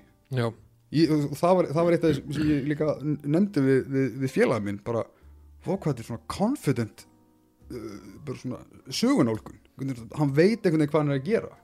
Og mér finnst að út af því að BVS var svolítið off hlaðin mér finnst og, og, og reynda að stilla upp allt á miklu mér finnst þessi græða á því hvað hinmyndin þurft að lifta þungu. Já, og út af því að þessi sögutróður er í að eðli sínu einfaldari þá finnst mér Snæder einhvern veginn fá betra færi til þess að leika sér með það sem er í bóði bæði hvað karakterdýft varðar og svipa og segir eins og með lókíkina samingi, allt í hennu hefur allt samingi það er valla neitt development í myndinni sem ásér ekki einhvers konar útskýringu. Það er valla nein persónu ákvörðun sem er ekki í það minnsta einhvern veginn uh, undistrykkuð eða uh, ge, veist, ge, gefið smá einhvern veginn, já, sa samingi á og og fyrir það líka kom mér mest á óvart að myndin bara flæðir. Gerir það. Er líka annað sko bara strax á þessum fyrstu, þú veist, 5-10 myndum þegar þetta atriði er að gerast. Ég reyndi að setja myndi í það hugafar að horfa á hana uh, og hugsandi sko Aquaman er ekki komin út hana Já. veist, á ekki að vera komin út. Já. og ég reyndi til að horfa á hana með því sjónarotni að það er ekki komin Aquaman mynd. Já. ég, ég hef aldrei séð hana karakter áður. Nema, þú veist, í glefsum í myndinu undan. Já. Og en Wonder Woman myndin ætti náttúrulega að vera komin út á þessum tíma var það ekki? Jú. já. En við erum að fara að fá kynningu hérna á tveim nýjum karakterum. Aquaman og Cyborg Þremur. Uh, og, Flass. Og Flash já. Þannig að helmingurinn leiðinu hefur ekki verið kynntur áður. Og þetta er nálgun sem er alveg bara akkurat auðvögt við Já. uh, en einmitt eins og hún nefnir sko skópið og öryggið sem kemur í þessu atriði og á sig svo stað út myndina og ég hugsaði bara ok, þetta er öðruvísi nálgun. Ég hafði ekki trú á þessu þegar þetta var kynnt að gefa Justice League út á undan einstökum myndunum. Já. en þarna sá ég bara ok, þetta er hægt. Já. ef það er nógu vel detailað að kynna karakterina með, þú veist að þetta er fjóru tímar gefa negan tíma í það og þar leðandi einhvern veginn sleppa þessum origin myndum sem eru allar alveg eins. Nefnilega. Mér fannst þetta rosalega stert og, og ég hefði náttúrulega eins og örglega allir núna hefði viljað fá þessa mynd 2017 af því að þetta er ótrúlega góð leið til að kynna inn og- hérna hetjunar á þess að þú hafi séð þar áður í myndum Já. af því að hann gefur svo mikið dítil og það er einhvern veginn svo mikið andstað við þessa mynd og vs. Superman eins og segir að vs. Superman er sko tveir og hálfu tíma keislu og þú ert bara svona eða þrýr tímar með Ultimate Cuttinu og þú ert alveg bara, ok, wow samt kisla já, samt mjög mikið á lofti og þú bara holy shit hvað þetta var mikið en þá kemur næsta mynd í seríunni og við þurfum við þurfum dálítið að fara að horfa á þessar myndir uh, sem bara seríur og, og í rauninni þætti að því að, að þú veist þannig séð episodic dæmi sko. jafn mikið á Marvel í rauninni, já já, að því að sérstaklega eins og núna ég er nýbúin að taka allar 22 marlmyndinar og þá virkilega fær maður svona tilfinningu fyrir því að þú veist þetta eru bara þetta er bara kabli Já. þetta er bara kabli í heilli bók En færið þá ekki líka svolítið þe- þetta sens af því hvað margar, sérstaklega orðinsögurnar, eru sama uppskrift Jú, klálega, sérstaklega líka sko í fyrstu myndunum. Já. Þú veist, rosa mikið í fyrstu myndunum. Ég meina þess að svo Iron Man og Doctor Strange og Ant-Man fyrsta, þetta er meira að minna svolítið. Þetta er, þetta er sama formúlan, sko. Já, Þetta er bara svona hérna formúla sem virkar. Já. Gerðu þetta bara að þínu með þessir overage En þú veist, ekki fara ólant frá hérna og ítlmenni verður að vera akkurat öfugt við þennan gæja Þú veist, hann, ef þetta er Iron Man þá þarf að vera vondur kall í Iron Man búning. Uh, Ef þetta er Captain America þá þarf þetta að vera vondur annar svona gæja með ofurkrafta. En hérna þarna var, var bara svona einhvern veginn öðruvísi nálgun á þetta og maður, maður hugsaði strax ok, þú veist, að því að það kom svo mikið fram í hinni myndinni þá ertu virkilega hérna bara okay, rífum í handbremsuna, Já. slökum á og ég ætla aðeins að leifa karakterum anda. Þú hefur ekki hitt það áður og þú veist eins og bara Íslandsinnan í þessari mynd mér fannst þú rosalega góð, já hún er rosalega fáránlega í 2017 Ég er sammála þarna einhvern veginn Mástu hvernig hún var í 2017 útgáfinni já, já, já, Það sem er búið að mála hérna, Aquaman myþológíina á veggin já, og Bruce Wayne er hérna til að spyrja "Heyrðu, ég, ég, segir hérna, já, ég er komin til að leita hérna, þú veist, þennu mystíska Aquamanni og allir eru bara eitthvað hlæjandi skilur, Mhm. svo bendur hann á veggin þar sem veist, greinilega einhver skopmyndafíkur af Jason Momoa og þau eru öll bara hvað er það að tala um?" þannig að það var greinilega insert og þú veist, og, þetta var eiginlega baramöturinn minn, sko, því við vorum nýbúin að horfa náttúrulega bíóutgáfuna, þegar kom að þessu senu bara, þú veist, hvað, 8-10 myndir inn í myndina ég hugsaði, please ekki vera exposition vekkurinn please Já, ekki exposition vekkurinn nákvæmlega. wow, þeir sleft honum, þeir leifa í alveg smáatriðum og núans að, að svolítið fylla eðunar þú veist, hún er ekki að tala til 10 ára krakka. Einmitt. Það er kannski svolítið stæsti gapandi munurinn. Og þú veist, það er sko, er því miður þá náttúrulega er ástæðan fyrir því að það er gefin mikil tími í þetta er sá að, að hérna e, hann kynntist þeim í einhverjum e-mail í vs. Superman. Já, já, mér, mér að það er ástæðum sem myndi mér finnst þessi græða því hvað hinn var svolítið hróðvirknislega gerð. Veist, hinn sá um svo rosalega mikið heavy lifting og ég var svona, ah, ok. En það eiginlega svolítið, ef að það leiði til þess að þessi sé meira streamlinuð og hoppar strax betur inn í sína frásögn þetta er náttúrulega stærri bitin af þeim tveimur ég er alveg sáttið með það. Já, ég fíla það svolítið og mér skrítið það er ennþá fólk sem hugsa og, og segir að við hefðum samt í raun átt að fá myndi til að kynna hinn áðunni fórum í þessa. Og eins og svolítið eins og þú að, uh, varst að segja rétt áðan ég vil frekar einmitt svolítið svona þessa stera origin mynd sem er að leiða inn í þetta team up mynd frekar heldur en að fá fjórar, fimm vanilla myndir sem hafa sinn einhvern veginn arbitræri climax og þetta bara veist, til þess að pöpullin fatti að þetta sé svona. Og eru líka rosa mikið bara að tísa alltaf. Nefnilega. Þú veist, það eru bara tísandi, þú bara býttu bara hann getur að sér hvað kemur, býttu bara eftir Avengers. Um, ég meina þarna hérna taka er þessa nálgun og ég hugsaði þú veist, vá hvað ég er spenntur uh, en samt ekki, já, því að það er ekki að fara að gerast en vá hvað ég er spenntur samt núna að fara að sjá hverja mynd fyrir sig þar sem að ég núna þekki karakterin sem ég er að horfa á. Já. Og þeir geta þá tekið aðeins dýpri nálgun í fyrstu myndin hans. Mm -hmm. að því við höfum fengið hérna, smá upplýsingar um hann og, og hver hann er og hvað hann kemur. Og hérna Aquaman myndin náttúrulega þú veist, hún var alveg skemmtileg en hún fjall samt í ítlundu svona grefju að vera uh, origin mynd. En uh, eins og þú veist með við hvernig þessi flashpoint mynd á að vera þá er hún að græða rosalega mikið á því hvað Justice League gerir. Algjörlega. Af því að flashpoint myndin er fyrsta myndinars flash en ef þú þekkir flashpoint söguþráðin þá er hann rosalega flókin og þeir eru strax byrjaðar að tala um skilur þú erum að fara Michael Keaton aftur. Af því að þú veist hann er að opna multiversið þarna bara strax. Já. þú veist hann er að fara að hitta gamla Batman og hann er að fara að hitta hinn Batmaninn og, og þetta og hann er að fara að rífa allan veruleikan í sundur. Mhm. og maður er bara svona ok þetta þetta er flashmynd sem væri kannski nummer þrjú hjá Marvel. Já, nota bene, ég verði að skjóta það inn og tekur eftir að þetta er greinlega bara svolítið deciding trendi hjá þeim öllum núna það er allir svolítið í þeim business núna að hugsa við verðum að drífa okkur, eða við verðum að fara í multiversmynd. Spætum að þrjú verður að fara að gera þetta. Mér skilst að hvaða sjónvarstættir, þannig að CW þættir gerði þetta fyrst. Uh, Þannig að, Flash þættinir gerði þetta. Já, það sem við tókum Brandur Ráð Superman og svo þannig að hennan uh, að hann, Tiger það, þar var smá flashpoint söguþráður hann er einhvern veginn spundrað öllu. Þetta er allavega, veist, þetta er svona svipa og þegar Civil War og BVS kom út í sín tíma þar var, eitt trendið var að fá góðu ofrýttunar á móti hvort annari Mhm. að stangast á, núna er svolítið eitt trendið að þeim eitt fara multiverse. Já. þetta sín.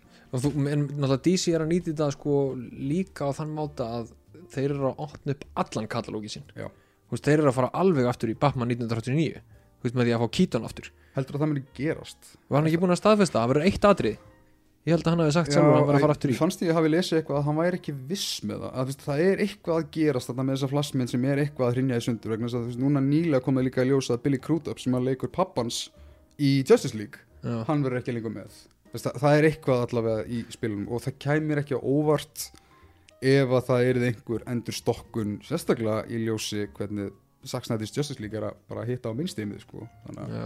ég veit ekki, það kemur í ljós en, en, en ég er sammála samt þessum punkti að og að frekar henn en að gera þessa típisku bla origin mynd sem oftast einhvern veginn enda með því að já, hitjan er að berjast við einhver, einhverja hérna, nega útgáfi af sjálfum sér að fínt einmitt að þú veist, ef þú getur létta farginu í einhvern veginn episkari mynd sem samt næra að segja sína sögu þá ertu strax komið betri farveg til þess að leika þér með standalone myndina Mhm. það þarf ekki að vera skrifað í stein að standalone mynd þarf að vera þú veist, þú veist fyrsti hálftími klukkutímin er hann bara hann eða hún veist, að, hún hetjan að finna sig svo eitthvað montage, montage og svo bara kerum við inn í veist, mér finnst við erum bara, við erum, við erum komnir langt yfir þá formúli Já, við erum bara búin að fá það of oft. Já. það er bara búið að gera þetta allt of oft. Og mér er sér árið 2016 fannst mér það of mikið og ég man að þú veist, ég var spenntur þegar Marvel tilkynnti það árið 2015 að þeir voru búin að lofa því fyrst Heyri, þetta er alltaf læg, Doctor Strange útgáfan okkar standalone Doctor Strange myndin sérst fyrsta þeir voru búin að lofa því að það yrði ekki origin mynd. Svo kemur hún út 2016 þetta er bara nákvæmlega origin mynd. Já. Svona, ég held svona að við værum lengra uh, Ég hef samt alveg, ég verða samt að sláðin ég hef rosalega gaman að það Strange, mér finnst þetta mjög skemmtileg. Hún er skemmtileg. Í fílana sko um, það, það, er, veist, það, er- það er svona bæði vandamálið og þægindaramin við uh, Marvel Cinematic Universe myndar þetta eru flestar fína myndir. Já, þetta eru flestar skemmtilega myndir. Það er líka, sko, ég er sérstaklega hrifin af Strange af því að Jújú, jú, Mads Mikkelsen er hérna, þú veist, neka útgáðan á honum Já. En hann er ekki aðal vondikallinn, sko. veist, Það er eiginlega það sem að gera myndina góða. Já, Í stæðan fyrir að vera bara fína, sko. Það er að lokabardaginn er hérna svona Battle of the Wits. Já, og rosalega mikið sko sem að hjálpar svo inn í endgame að þú veist, þetta er gæði sem er tilbúin til að takast á við allt að því hann dó biljón sinnum með eitthvað á móti já, já. Dormammu. En hérna, aftur í Justice League myndina uh, Vondikallin, Steppenwolf Já. actual þú veist, karakter. Það er eitthvað að gerast þarna.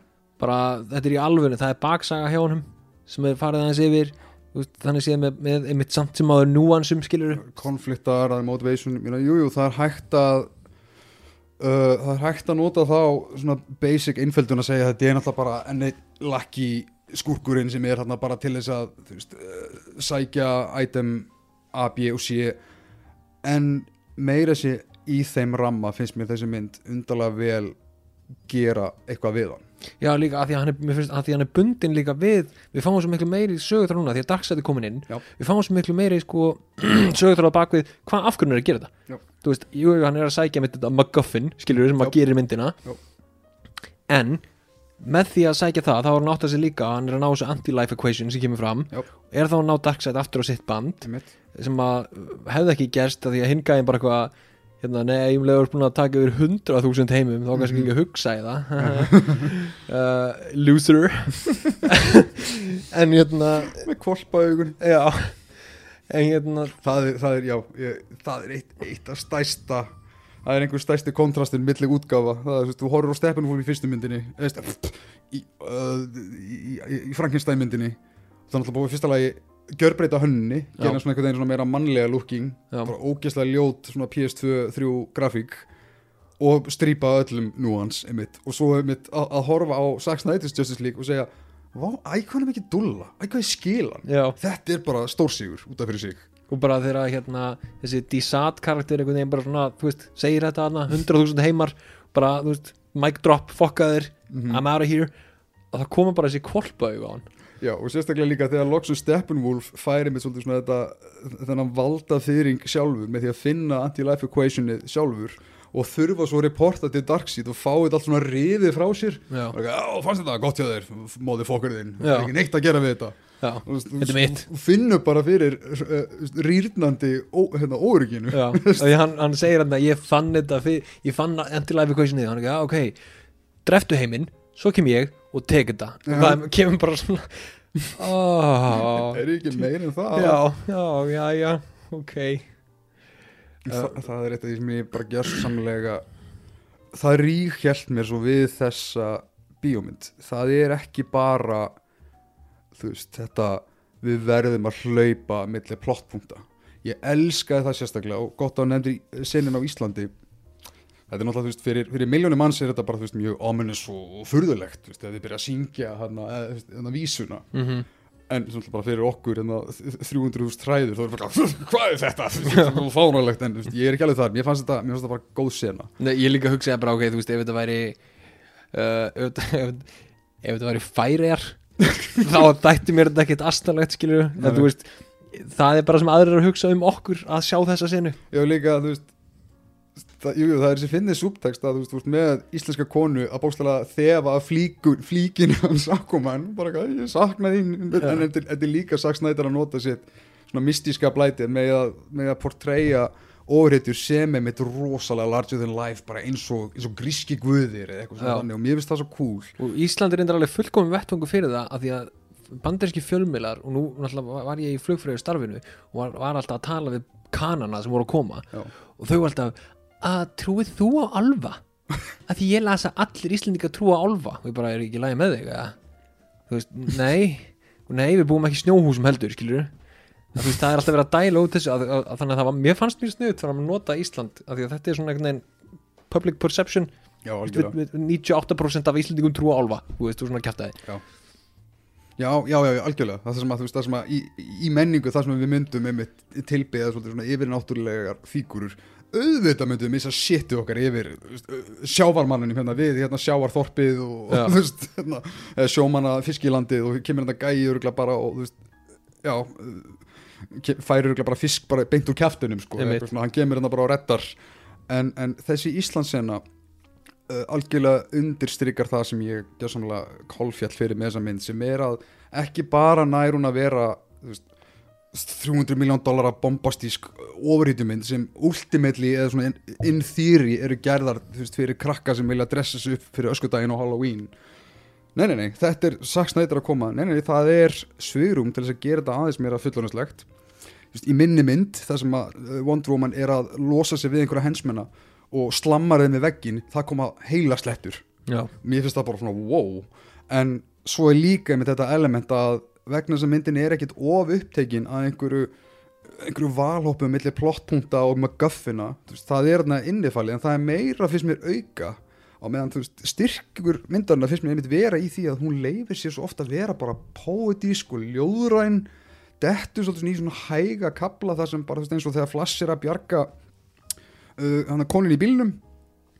Veist stúdíó myndi leifa sér aldrei að bara einhvern veginn svona stiga aftur og koma. Nú ætlum við bara að fókusa á tónlist og mút. Já, og svo höldum við áfram með sögun og ég, mér fannst það svo geðveikt. Mér, já ég er sammála, mér finnst það bara briljant þetta er svo svipaði kontrast er einmitt þegar þú horfir á bíóutgáfunar af Lord of the Rings. Það sem er yfirleitt fyrst til þess að fara ber saman uh, sitt og hverja við, við extended útgáðunar yfirleitt það sem, því sem var fórnað eru svona litlu momentin það sem er leiki sem er mút hérna, ál, þú veist, álfarnir að fara ég meina hvort það var að fara frá Lorien eða að fara til Lorien. Þú veist, þegar hann hérna kemur það, oh, Sam, look! Þeir eru álfarnir, þeir eru að fara þetta til Grey Havens eða eitthvað, þú veist ekki, Jú. þetta er bara svona eitthvað sem maður náttúrulega stúdíóhausandur segja og hugsa þetta, ekkit, þetta hefur ekkert með plottið að gera. Nei. en þetta munar öllu upp á þú veist, þetta worldbuilding element, þetta munar öllu upp á atmóið og ég bara, já tilöksun í fyrsta lagi að eiga fjögra tíma R-rated útgáfa af Justice League mynd finnst mér bara galið en ennfremur finnst mér fárólegt að það er ekki dauð sena í myndinni ég, veist, ég var komin á þryggja tíma merkja og bara, ó, djúvöllin, ég var bara klukkutíma eftir Já, ég var nákvæmlega, nákvæmlega sama ég vissi sko að lokabardaginn var það, það er nefnilega, já, þetta, ítöldið punktið þinn þegar ég sá að það var klukkutíma eftir þá hugsaði ég smá byrju er ekki lokabardaginn klukkutími? Í hinni? Nei, í, í þessari, í Já, ég er búin að lesa það ég er búin að lesa, byrju lokabardaginn er klukkutími. Já, ég var bara klukkutíma eftir.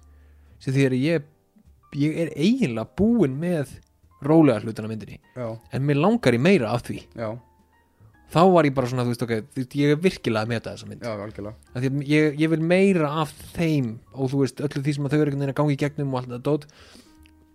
Og, og hugsaði, þú veist, ok, nú er bara bara daginn eftir en þú veist, ég var samt alveg hann var mjög flottur og allt það en það undirstreka bara hvað þetta er vel gert hjá hann Ótrúlega.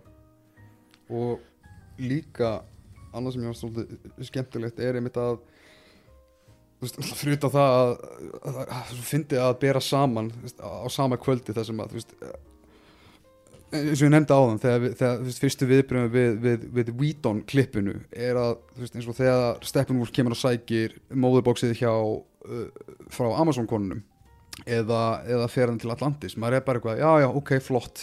Hasaratri, vei.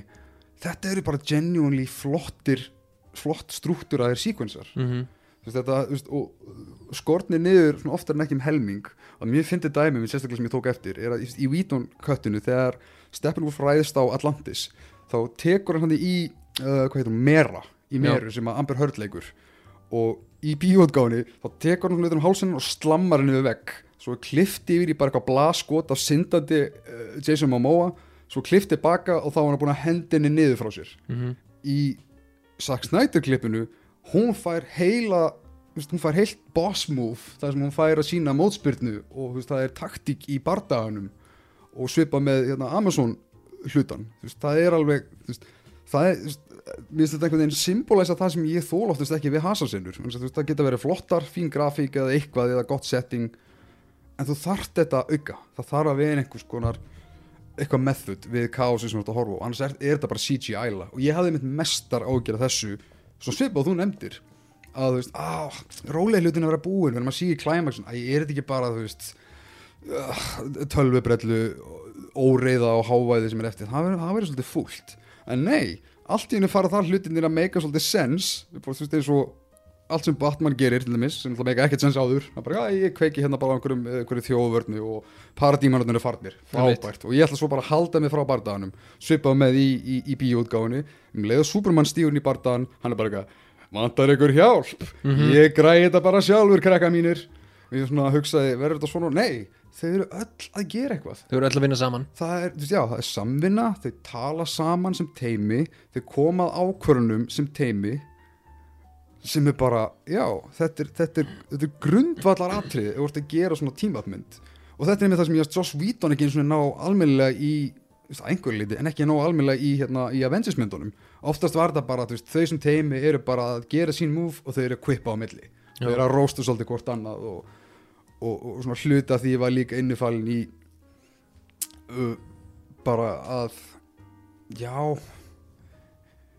já, það hefur svona eiginlega verið einhvern veginn mestmægnist það að þú, veist, þú finnur fyrir í því að það er eitt sem nefnilega mér finnst vera gegnum gangandi við margar margulmyndir, ekki allar alls ekki en út af því að það er svo þekkt dæmi að þegar leikstjóra kom inn þá eru framlendur búin að prífisa hasasinnundar mm þannig að hasasinnundar eru svolítið svona ekki beint á sjálfstýringu en þú finnur að það kannski vantar einhvern auka þunga í þær en þú veist, þú hefur gaman að þeim þú veist, þú hefur gaman að karakterunum þetta er skemmtilegt fyrir söguna, oft allar í bestu tilfellunum. En ég finn sjaldan fyrir þessum, þessari umhyggju fyrir römmunum eins og Snæder greinilega sýnir hérna.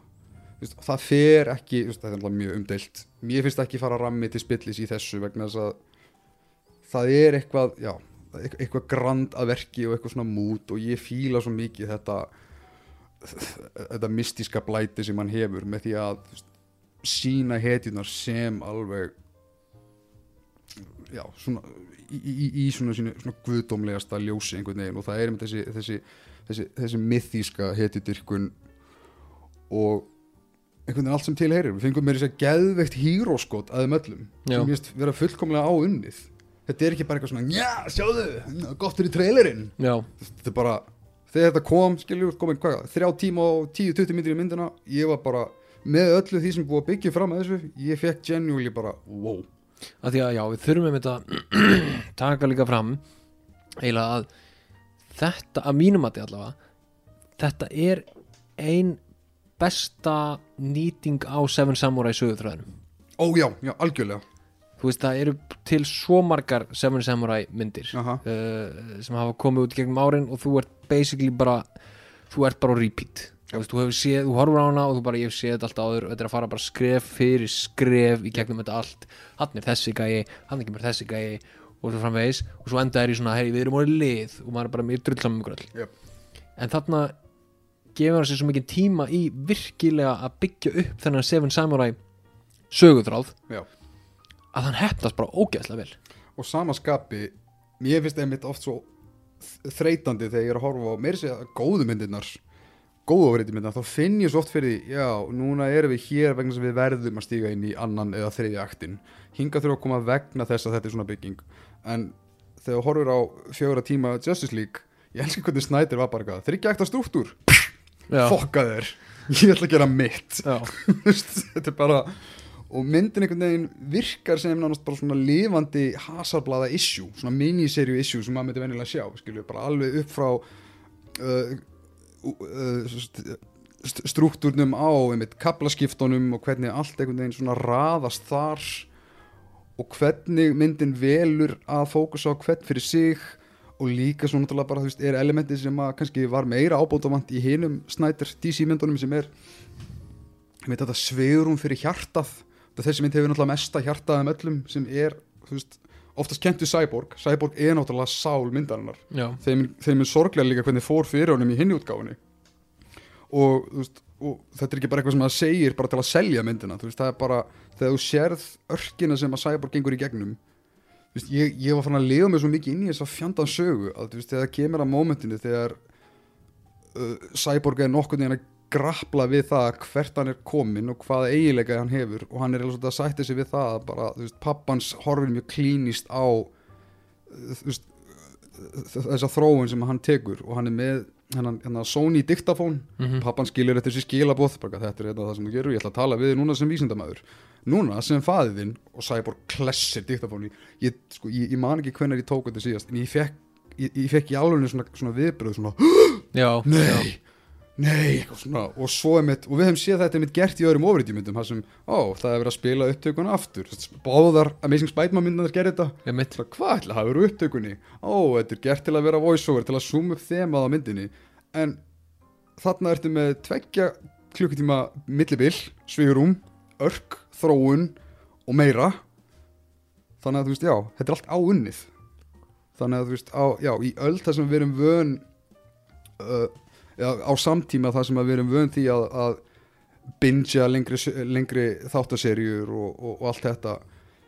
Mér finnst einhvern veginn bara svo skrítið að við höfum ekki einhvern veginn explorað það fyrr að ekki vera hrætt við lengri myndir. Veist, það er svo ofta sem maður skilur við einhverja mynd hvort sem hún heitir mér sér bara já, Infinity War eða eitthvað mynd sem ég er endur að elska þá, þá er samt svona alltaf þessi litli púk í manni sem hugsa já, þetta var geggjað Ó, hvað verið geggjað þetta hefur verið, klukkutíma lengri. Já. Nei, þetta er óraunsa, veit ekki, það er aldrei að fara að gerast. En þú veist, þegar maður, já. Og það er oft verið svona að nota þetta til að mokka svona myndir, bara, veist sérstaklega aðlaganir á bókum og þess áttar bara, já, nei, ef myndin ætti að vera það þá þyrfti hún að vera allavega svona þrýr, þrý tímar pluss fjóri tímar, en það er aldrei að fara að gerast. Þannig að aftur, já, Snyder tekur einhvern veginn þessi conventions og bara sparkar í þá. Og bara, nei, þetta er svona það sem ég vil segja þetta er hópurinn, þú ert að fara að fá máltíð úr þessu og ofan á það ert með hjartað sem kemur frá Cyborg þá er líka með svona ákveð touch frá sögunars Flash sem ég kunna meta. Mér finnst að Wonder Woman í rauninni ekki hafa verið betur útfært síðan í fyrstu myndirinnar heiminn að hafa millið þess hvernig hún er útfært hérna og líka bara hvað hún er svöl með Wonder Woman 1984 það sem bara, bara Steve Trevor var bara bestur í heimi og ekki gerir lífið betra og var ekki, var, þessi útgáfa er alltaf tölvert redemption fyrir karakterin sem að Wonder Woman er sko. Má segja það já með þá hann sé að koma eftir, eftir Wonder Woman 2 En ég held að besta líkingin sem er hægt að segja um þessa myndir er að hérna sko Justice League þetta er 2017 útgáfa þetta er svona þú veist eins og að fara á skyndibita, að Taco Bell eða eitthvað. Þú veist svona þú veist, það er búið að hæpa þessu fyrir þér, þú gett spenntur þú getur þetta og fara niðurgang, þú líður ógislega þú vilt aldrei borða þetta aftur.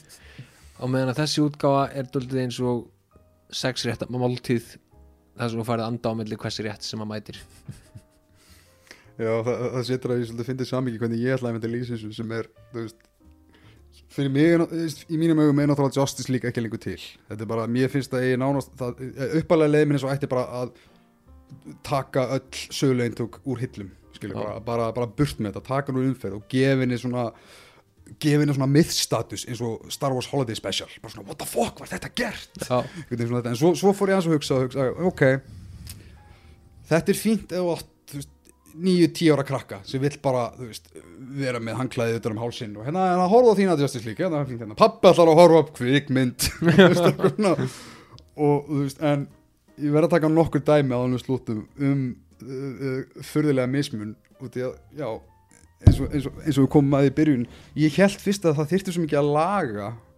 upp á ímyndina og þetta að gera veist, frá snæturútgáfunni og er að velta fyrir mig hvað var þetta sem stúdíum voru þetta ósátt með? Vegna þess að ég held að þeir fengu Joss, uh, Whedon til að byrja með til þess að náttúrulega gefa myndir meiri bjart og allt þetta og meiri húmor. En hún var samt alveg fyndin. Já hún er alveg mjög fyndin. Það vill bara svo til að þú veist, þú veist með eitt comic relief karakter en ekki alla. Já. og flest, mest allir húmor og allt sem kemur.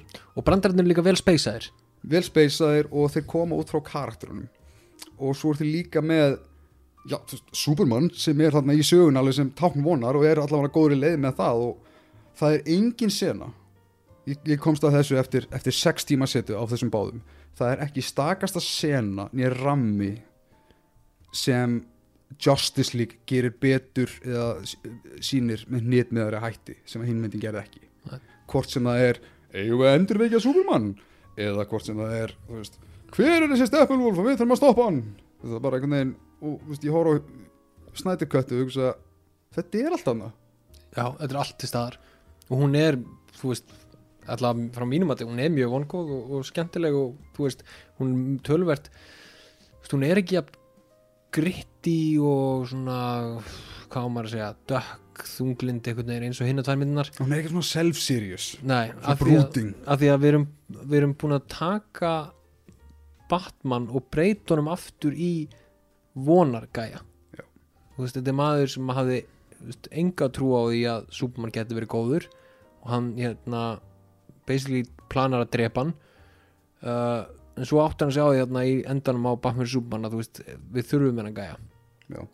og hérna og það verður svo mikil kaplaskipti þar á milli að veist, þá erum við að fara inn í einhvern veginn svona fasa 2 af þessum snætir myndum og þarna byrjar þetta virkilega að pikka upp og verða aðeins meira svona þú veist, bjartara og það er líka greinilegt merkjum að það sé einhvers konar þema pæling í þessu vegna þess að maður sjálfur og fleiri og segi BVS fyrir það að Batman myndi ekki að láta svona þetta er bara, bara, bara morðingi og bara svona hvað er á hennum svo náttúrulega bara býða maður og sér Snyder Justice League og hugsar ó, Bruce Wayne í þessari mynd er að reflekta á það hvernig hann var í síðustu mynd. Já. það er tilgangur með þessu. Og hann segir bókstafið Alfred í þessari mynd ég er, ég er ekki núna að akta á lógik ég er að akta á, veist, á trú. Mm bara faith. Og þú veist, þarna strax ertu að zooma upp aftur, maður var að vannmeta það að það var ég alveg plan með þessu. Og fínt að taka eitt fram líka sem er við erum allir líkitum ekki að fara að fá þessar hérna tvær Næ, það átti að vera fimm myndir, það var Man of Steel, Batman vs. Superman og svo þrjár Justice League myndir. Já. ef ekki tvær Justice League myndir og ein Man of Steel 2, ég er ekki alveg viss um það. Og við fáum náttúrulega þennan epilog þennan eftirmála alveg undir lokin sem er svolítið að bæði binda saman það sem var áður tísað uh, sem þetta, þetta allrænda nightmare dæmi það sem að post-apocalypse heim og Darkseid er búin að vinna og Superman er vondur og þetta basically Injustice einmitt. Um, ef að við hefum öll einhvern veginn svona og sérstaklega stúdíóin leift okkur bara að að, stíga tilbaka og leifa Snyder hjónunum að gera sitt þing með þetta afraksturinn hefði verið eiginlega svolítið magnaðri svona next, svona next level magnaðri heldur en það sem að Marvel hefur gert. Og það sem ég meina með því er að Marvel voru aldrei þeir voru alltaf með tjekkbúnta stóði, þeir hugsu, þegar þeir gerðu fyrstu myndinar og, og myndinar eftir það. Þeir voru aldrei með sko, já, á mynd nummer 17 þá munum við vera komin hingað í sögunni. Nei, nei, þeir, þeir, þetta var alltaf, alltaf svona long game. Og þeir, þú veist, pössuðu bara það að planta fræjunum fyrir, skilur, Infinity Stein og þann og svo hugsuðu, já, einhver tíma þarna munum við leiða þangað, Mhm. einhver tíma þarna munum við samin Avengeruna, en það sem að Snyder var greinilega að hugsa, það var í einni samfeldri sögu, já, mér finnst það svolítið magnað. Já, að, veist, að, að universe myndirnar séu allar að styrkja ekki bara endilega ákveðna stefnu heldur þar haldast í hendur með hætti sem við höfum bara ekkert séð áður til þess að já, koma okkur lengra. Og það hefði gert uh, þennan fimm akta kabla svolítið, svolítið hellaðan. Þannig að nei, nú er þetta bara orðið svolítið svona svona kultúrslegt hvað ef. Já, og til að svona fara aðeins yfir sko hvað hefði gerst runni fyrir þá sem ekki vita um, þessi sögutráður hefði verið þannig samkvæmt því sem að er á netinu allavega og sem að Snæder hafi sagt að þessi mynd endar uh, Justice League sem sagt næsta mynd byrjar svo á því að hérna af einhverjum ástæðum er Superman ekki til staðar við að gera eitthvað og, og Lois Lane er í vend Batmans. Uh, Lois deyr af því að Darkseid drepur hana Darkseid nær þessu anti-life equation sem hann er að tala um í þessari mynd nær þannig líklegast Superman á sitt vald þú veist, basically dáleiðir hann Mhm. með þessu anti-life equation og með Superman á sínum strengjum basically bara rústar veist, restina þeim sem eru lifandi um, þetta ragtag team of crazy people hana, Batman og Jokerinn og Amber Heard það hefur verið fínt að losa hann át sant? Joe Manganiello. Já, og þessi gæir hana þeir eitthvað hérna er eitthvað, hei, við skulum fara á móti Darkseid. Um, Flashpoint spilar þar inn með multiverse dæminu og, og því að hann getur fara aftur í tíman fer aftur í tíman Batman fórna sér í staðin fyrir Lois Lane þeir vinna Darkseid sagan búinn, Batman dáinn og samkvæmt nýjasta nýjastu upplýsingunum þá átti þetta enda þannig að Lois Lane og Superman eignast Batman 20 árum setna tekur það Batman við sem Batman af því að hann er ekki minna að krafta. Varstu búin að lesa orðurum um það að það, ég veit ekki hvaðan þetta kom en ég heyrði einhvers staðar orðurum um það að, að það er náttúrulega gefið í skín að Lois Lane séu óleitt í þessari mynd. Já, ég las einhvers staðar að það væru getgátur um að Bruce Wayne ætti bannið ok. Þannig að það setur konfliktið svolítið á annan endan. Já, en eina sem ég las í rauninu var að sem sagt, næsta Justice League mynd hefði verið bara þú veist Empire Strikes Back á styrum bara allt í volæði. Myndum fá, hún myndi vera mjög kosmísk og það er bara bardaði við Darkseid og þarna ætti, að, ætti allir Green Lanternarnir að koma inn í þetta. Já. Svo átti svo mynd að enda vist ömulega Örglega þá þannig að Lois deyr og Superman verið það. vondur. Og síðasta myndin, fymta og síðasta átti að vera bara post-apocalyptic bara flash hoppandi til og frá geðveiki. Mjög einhvern veginn epic í skópi og þú veist, já, þetta var, var longgamið sem að Zack Snyder var að hugsa um og hann var alveg aktífli búinn að leggja teinana fyrir það fram að því sem er náttúrulega, finnst mér svolítið magnað. Og sérstaklega út af því að stærsti, stærsta heavy liftingið var í uh, BVS þá finnst mér svo náttúrulegt svigurum til þess að bæta ofan á það sem að þessi hefur verið að gera. Þannig að þetta hefði ekkit virkað eins og þetta sama clusterfuckið.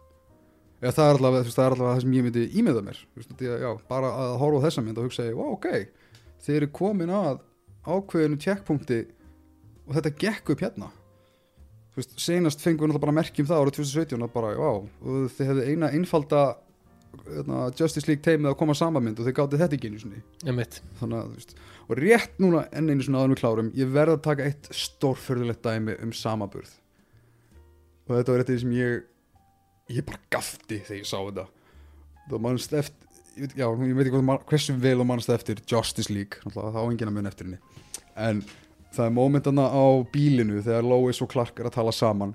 Er, það er nýbúið að endur lífgan og hann er aðeins byrja svona að ranga við sér en hefur á þessum tímpunkti í myndin ekki sagt neitt. Og hann horfir á Lois og, og segir eitthvað upp átt og hún segir you spoke. Og hann bæti við did I not before? ok. Einhvern leita vegna kemur Joss Whedon útgáfan og fær Amy Adams til að döbba. You smell good. Did I not before? og hann er bara eitthvað svona. Geðveikt fyndið. Og þannig að ég stend fastur á því að Joss Whedon var bara að trolla þessa mynd. Já við hvert einasta horn. Það er líka mér langar að ræða hérna, hitt ekki post-credit sín Mér finnst- þetta skemmtilegt hugtak ekki post-credit sín þetta eru post-credit síns en þau eru á undan kreditlistan og þá eru þau til svona fyrir mann sem er að horfa á þetta eða konur sem er að horfa á þetta þetta er svona, fyrir hvaðan komum þess aðriði að því að þau eru ennþá hluta myndinni Já, já. en þetta eru svona post-credit síns það er bara kreditlistin fara að njóta sín í þessari mynd. Já. en hérna, það er þegar að Martian Manhunter kemur aðna til Ben Affleck. Þú veist, hann vaknar eitthvað og svona að, þetta var aldrei smartröðum bara eitthvað, að, ég var til í kaffibólla byrjuðu hvað er að koma veist, og, og upp á þessu mómenti eru einu sko geimverurnar sem að líta ekki út eins og þú veist, Superman, þá menn ég bara svona CGI monster looking geimverur eru búin að vera mjög vondar Já. og það eru búin að vera að koma til að drepa þig og hann eitthvað svona blessaður. Já, og þú veist í mjög secure mansioninu sínu, þú veist sem er út í raskaði sem engi veit af og hann lappar út og bara Sup? og gemur hann eitthvað hello og hann bara, hvað er það Erst þú að koma með kaffi mitt eða hver, hver er þú? og ég bara, ég gati ekki að horta á þetta þú veist, af því að það var eins og Ben Affleck líka væri alltaf bara þreyttur einhvern veginn, þetta var, þú veist, hann lítið samt miklu betur út og í miklu betur formi af því að þetta tekið upp eftir, þú veist, hann var alltaf blindfullur í mörgum atriðum í, í, í Justice League uh, og hérna, hann er hann búin í meðferð og, og lítur ótrúlega vel út. Virka fyrir time jumpi samt. Virka fyrir timejumpið, já. En það er eitthvað við hvernig Bruce Wayne er í þessu atriði það sem hann er orðin bara svona ég, ég er ekki er einu svona hissa lengur sko. og hann eitthvað ég heiti Martian Manhunter sem bæði veit, þú veist það hljóma eins og hann sé basically gæði frá Mars sem er- veiðir manneskjur. Þú veist, ef, þú færði ekkert samhengi og Bruce Wayne er bara ég er grindvíski grændarinn. Ah, blessaður. Hljóma vel. og svo fer Martian Manhunter hann svona ok, snýr sér bara við og bara "Ah, fuck this ég ætla ég ætla að hafa með kaffi hvort það er bara Já, einu sem ég myndi vilja, sko, mér finnst þessi mynd standa innan þeirra marka sem er í bóðum, mér finnst þessi mynd standa mjög vel á eigin fótum, sérstaklega, þú veist, ef við metum þetta sem bara, þessi mynd verður með bullandi kultstatus, sérstaklega ef við fáum ekki vott af neinu áframhaldi í þessum hluta DC heimsins, ég, mér finnst þetta svo geggjað, svona standalone kult fyrirbæri og allt þetta, allt þetta Nightmare, Joker, hérna, post-apocalyptic, epilogue dæmi, mér finnst þetta gott svona sem svona auka hvað ef. Já, Þetta er fín- og nánast eins og út af, sko, það meiri satt að lesa dýbri í það og segja að þetta er bara eins og kommentari á venjulegar ofriðjumyndir þetta er bara svona, hér er eitthvað sem er bara út í fjarska skipti ekki öllu máli en bara svona, bara svona næst tilöksun það, er alltaf, það, það er alltaf eitthvað það er alltaf einhver dagur eftir þennan dag í, í lífi þessari hitja og við einhvern veginn bara búumst við að þetta mun einhvern veginn, einhvern veginn græjast. En ef það er eitthvað sem ég myndi specifíkli taka út úr þessari mynd til þess að gera aðeins meira pínu uh, svona hnitmiðari ég- þá myndi ég taka út þessar tvær Machine Manhunter senur aðlóta því að hann kemur þarna og, og trollar eina af betri senu myndarinnar í mínum mati. Það er þegar Lois Lane og Martha Kent eru að tala saman. Já, einmitt. Út af, Mér finnst bara eitthvað óendarlega hjartnæmt við það að þú ert með móðir dáins Superman að segja ég vildi óska að ég geti sagt öllum heiminum hvað ég er stolt af síni mínum en ég má það ekki. Já. svo bara eitthvað, sæk! Já, þetta er bara ég Martian Manhunter sem að býr líka til, þú veist, ímynda senu í haustum á fólki sem er svo vandræðileg þegar Lois og Martha hittast aftur og Lois eitthvað, takk fyrir að bjarga mér úr þunglindunum sem ég var í. Og Martha bara, ok, já ekkert mál. Hvað hva gerði ég? Þetta bjóti svona running gag hjá mér og félag mínu þegar við vorum að horfa á myndina. Þegar þegar Martha sér svo sonin endurfættan. Bara, ó, Clark, þú ert ekki dauður. Oh, mamma. Og þau hlaupa svona í, í arma hvort annars þetta er djók, þetta er bara marsum ótrúlega gott stöf síðast spurningin á við endum þetta, hvað fannst þér um Leto sem Jokerinn í þessari mynd? Að koma aftur. Ég tel að vera, ég er í massífu minni hluta með þetta, ég þóldi ekki hérna túlkur á jókurnum, kannski, kannski gerir blingið og tattúin bara svo rosalega mikið voðaverk, en mér finnst að vera testamenti þess hvað þetta, þessi útgáfa eða þessi sena virkaði fínt á mig er að veist, ég er okkur skemmtilegur. Mm. ég, ég, ég fílaði genjúli það varst bara með veist, þetta confrontation á milli Batman og og þetta tæjaði líka yfir í mynd þannig að dauða Robins úr hinni myndin og allt þetta. Emitt, og hann lukkaði betur og ég veit ekki, ég er einhvern veginn gúttir að þetta. Já. Mér mér fannst fannst, þetta mér fannst þetta ekkert frábært, mér fannst þetta skrifir rétt átt og ég, þegar ég sá þetta hugsa ég, ok, ef þetta myndi actually fara í full length mynd þá held ég að þetta myndi í gang ég held það nefnilega líka og mér skríti að margir séu að fókus á það hvað Leto er veist, innan gæðslega að eiðilegja þessa mynd en það nefnir það engin að Amber Heard er alltaf með breskanreim Já, nákvæmlega, og skelfilega hann í þokkabót sko. Já. Hérna, það, ég sá náttúrulega eitt komment sem ég var ekki alveg sammála á internetinu það var einhver sem sagði hérna sem sagði ástæðan fyrir því að náskotið af Jokernum er svona blurry er því að þeir vissu hvað þetta væri mikið shit. Oh, og ég er svona, nei, mér varst miklu meira blurry skjáskotið af Jokernum gefa í skein hvað væri mikið kaos í gangi. Akkurat, já, veist- já, algjörlega. þú veist, þú ert að horfa á hérna, Jokerinn vera drullegu Batman og linsan, eða fókusin fer úr fókus. Það er líka ástæða fyrir aspect ratio þetta bý til ákveði svona ákveðna innilókun e, e, e, sem ég náttúrulega beina fílaði, mér finnst hversu umdelt það er að hafa myndin í svona rosalega bóksuðu aspect ratio en ef að myndi svo The Lighthouse gerir þetta líka þá er ekki mál, þá er þetta bara, þá er þetta bara arti arti, finnst ekki þessu. Þannig að þú veist, já, bara góða stundir, ég er mjög ánæður að við fengum þessa útgáfi og bara þú veist, og fjandinn hafi hérna framlindunar fyrir að hafa leitt okkur á þennan stað.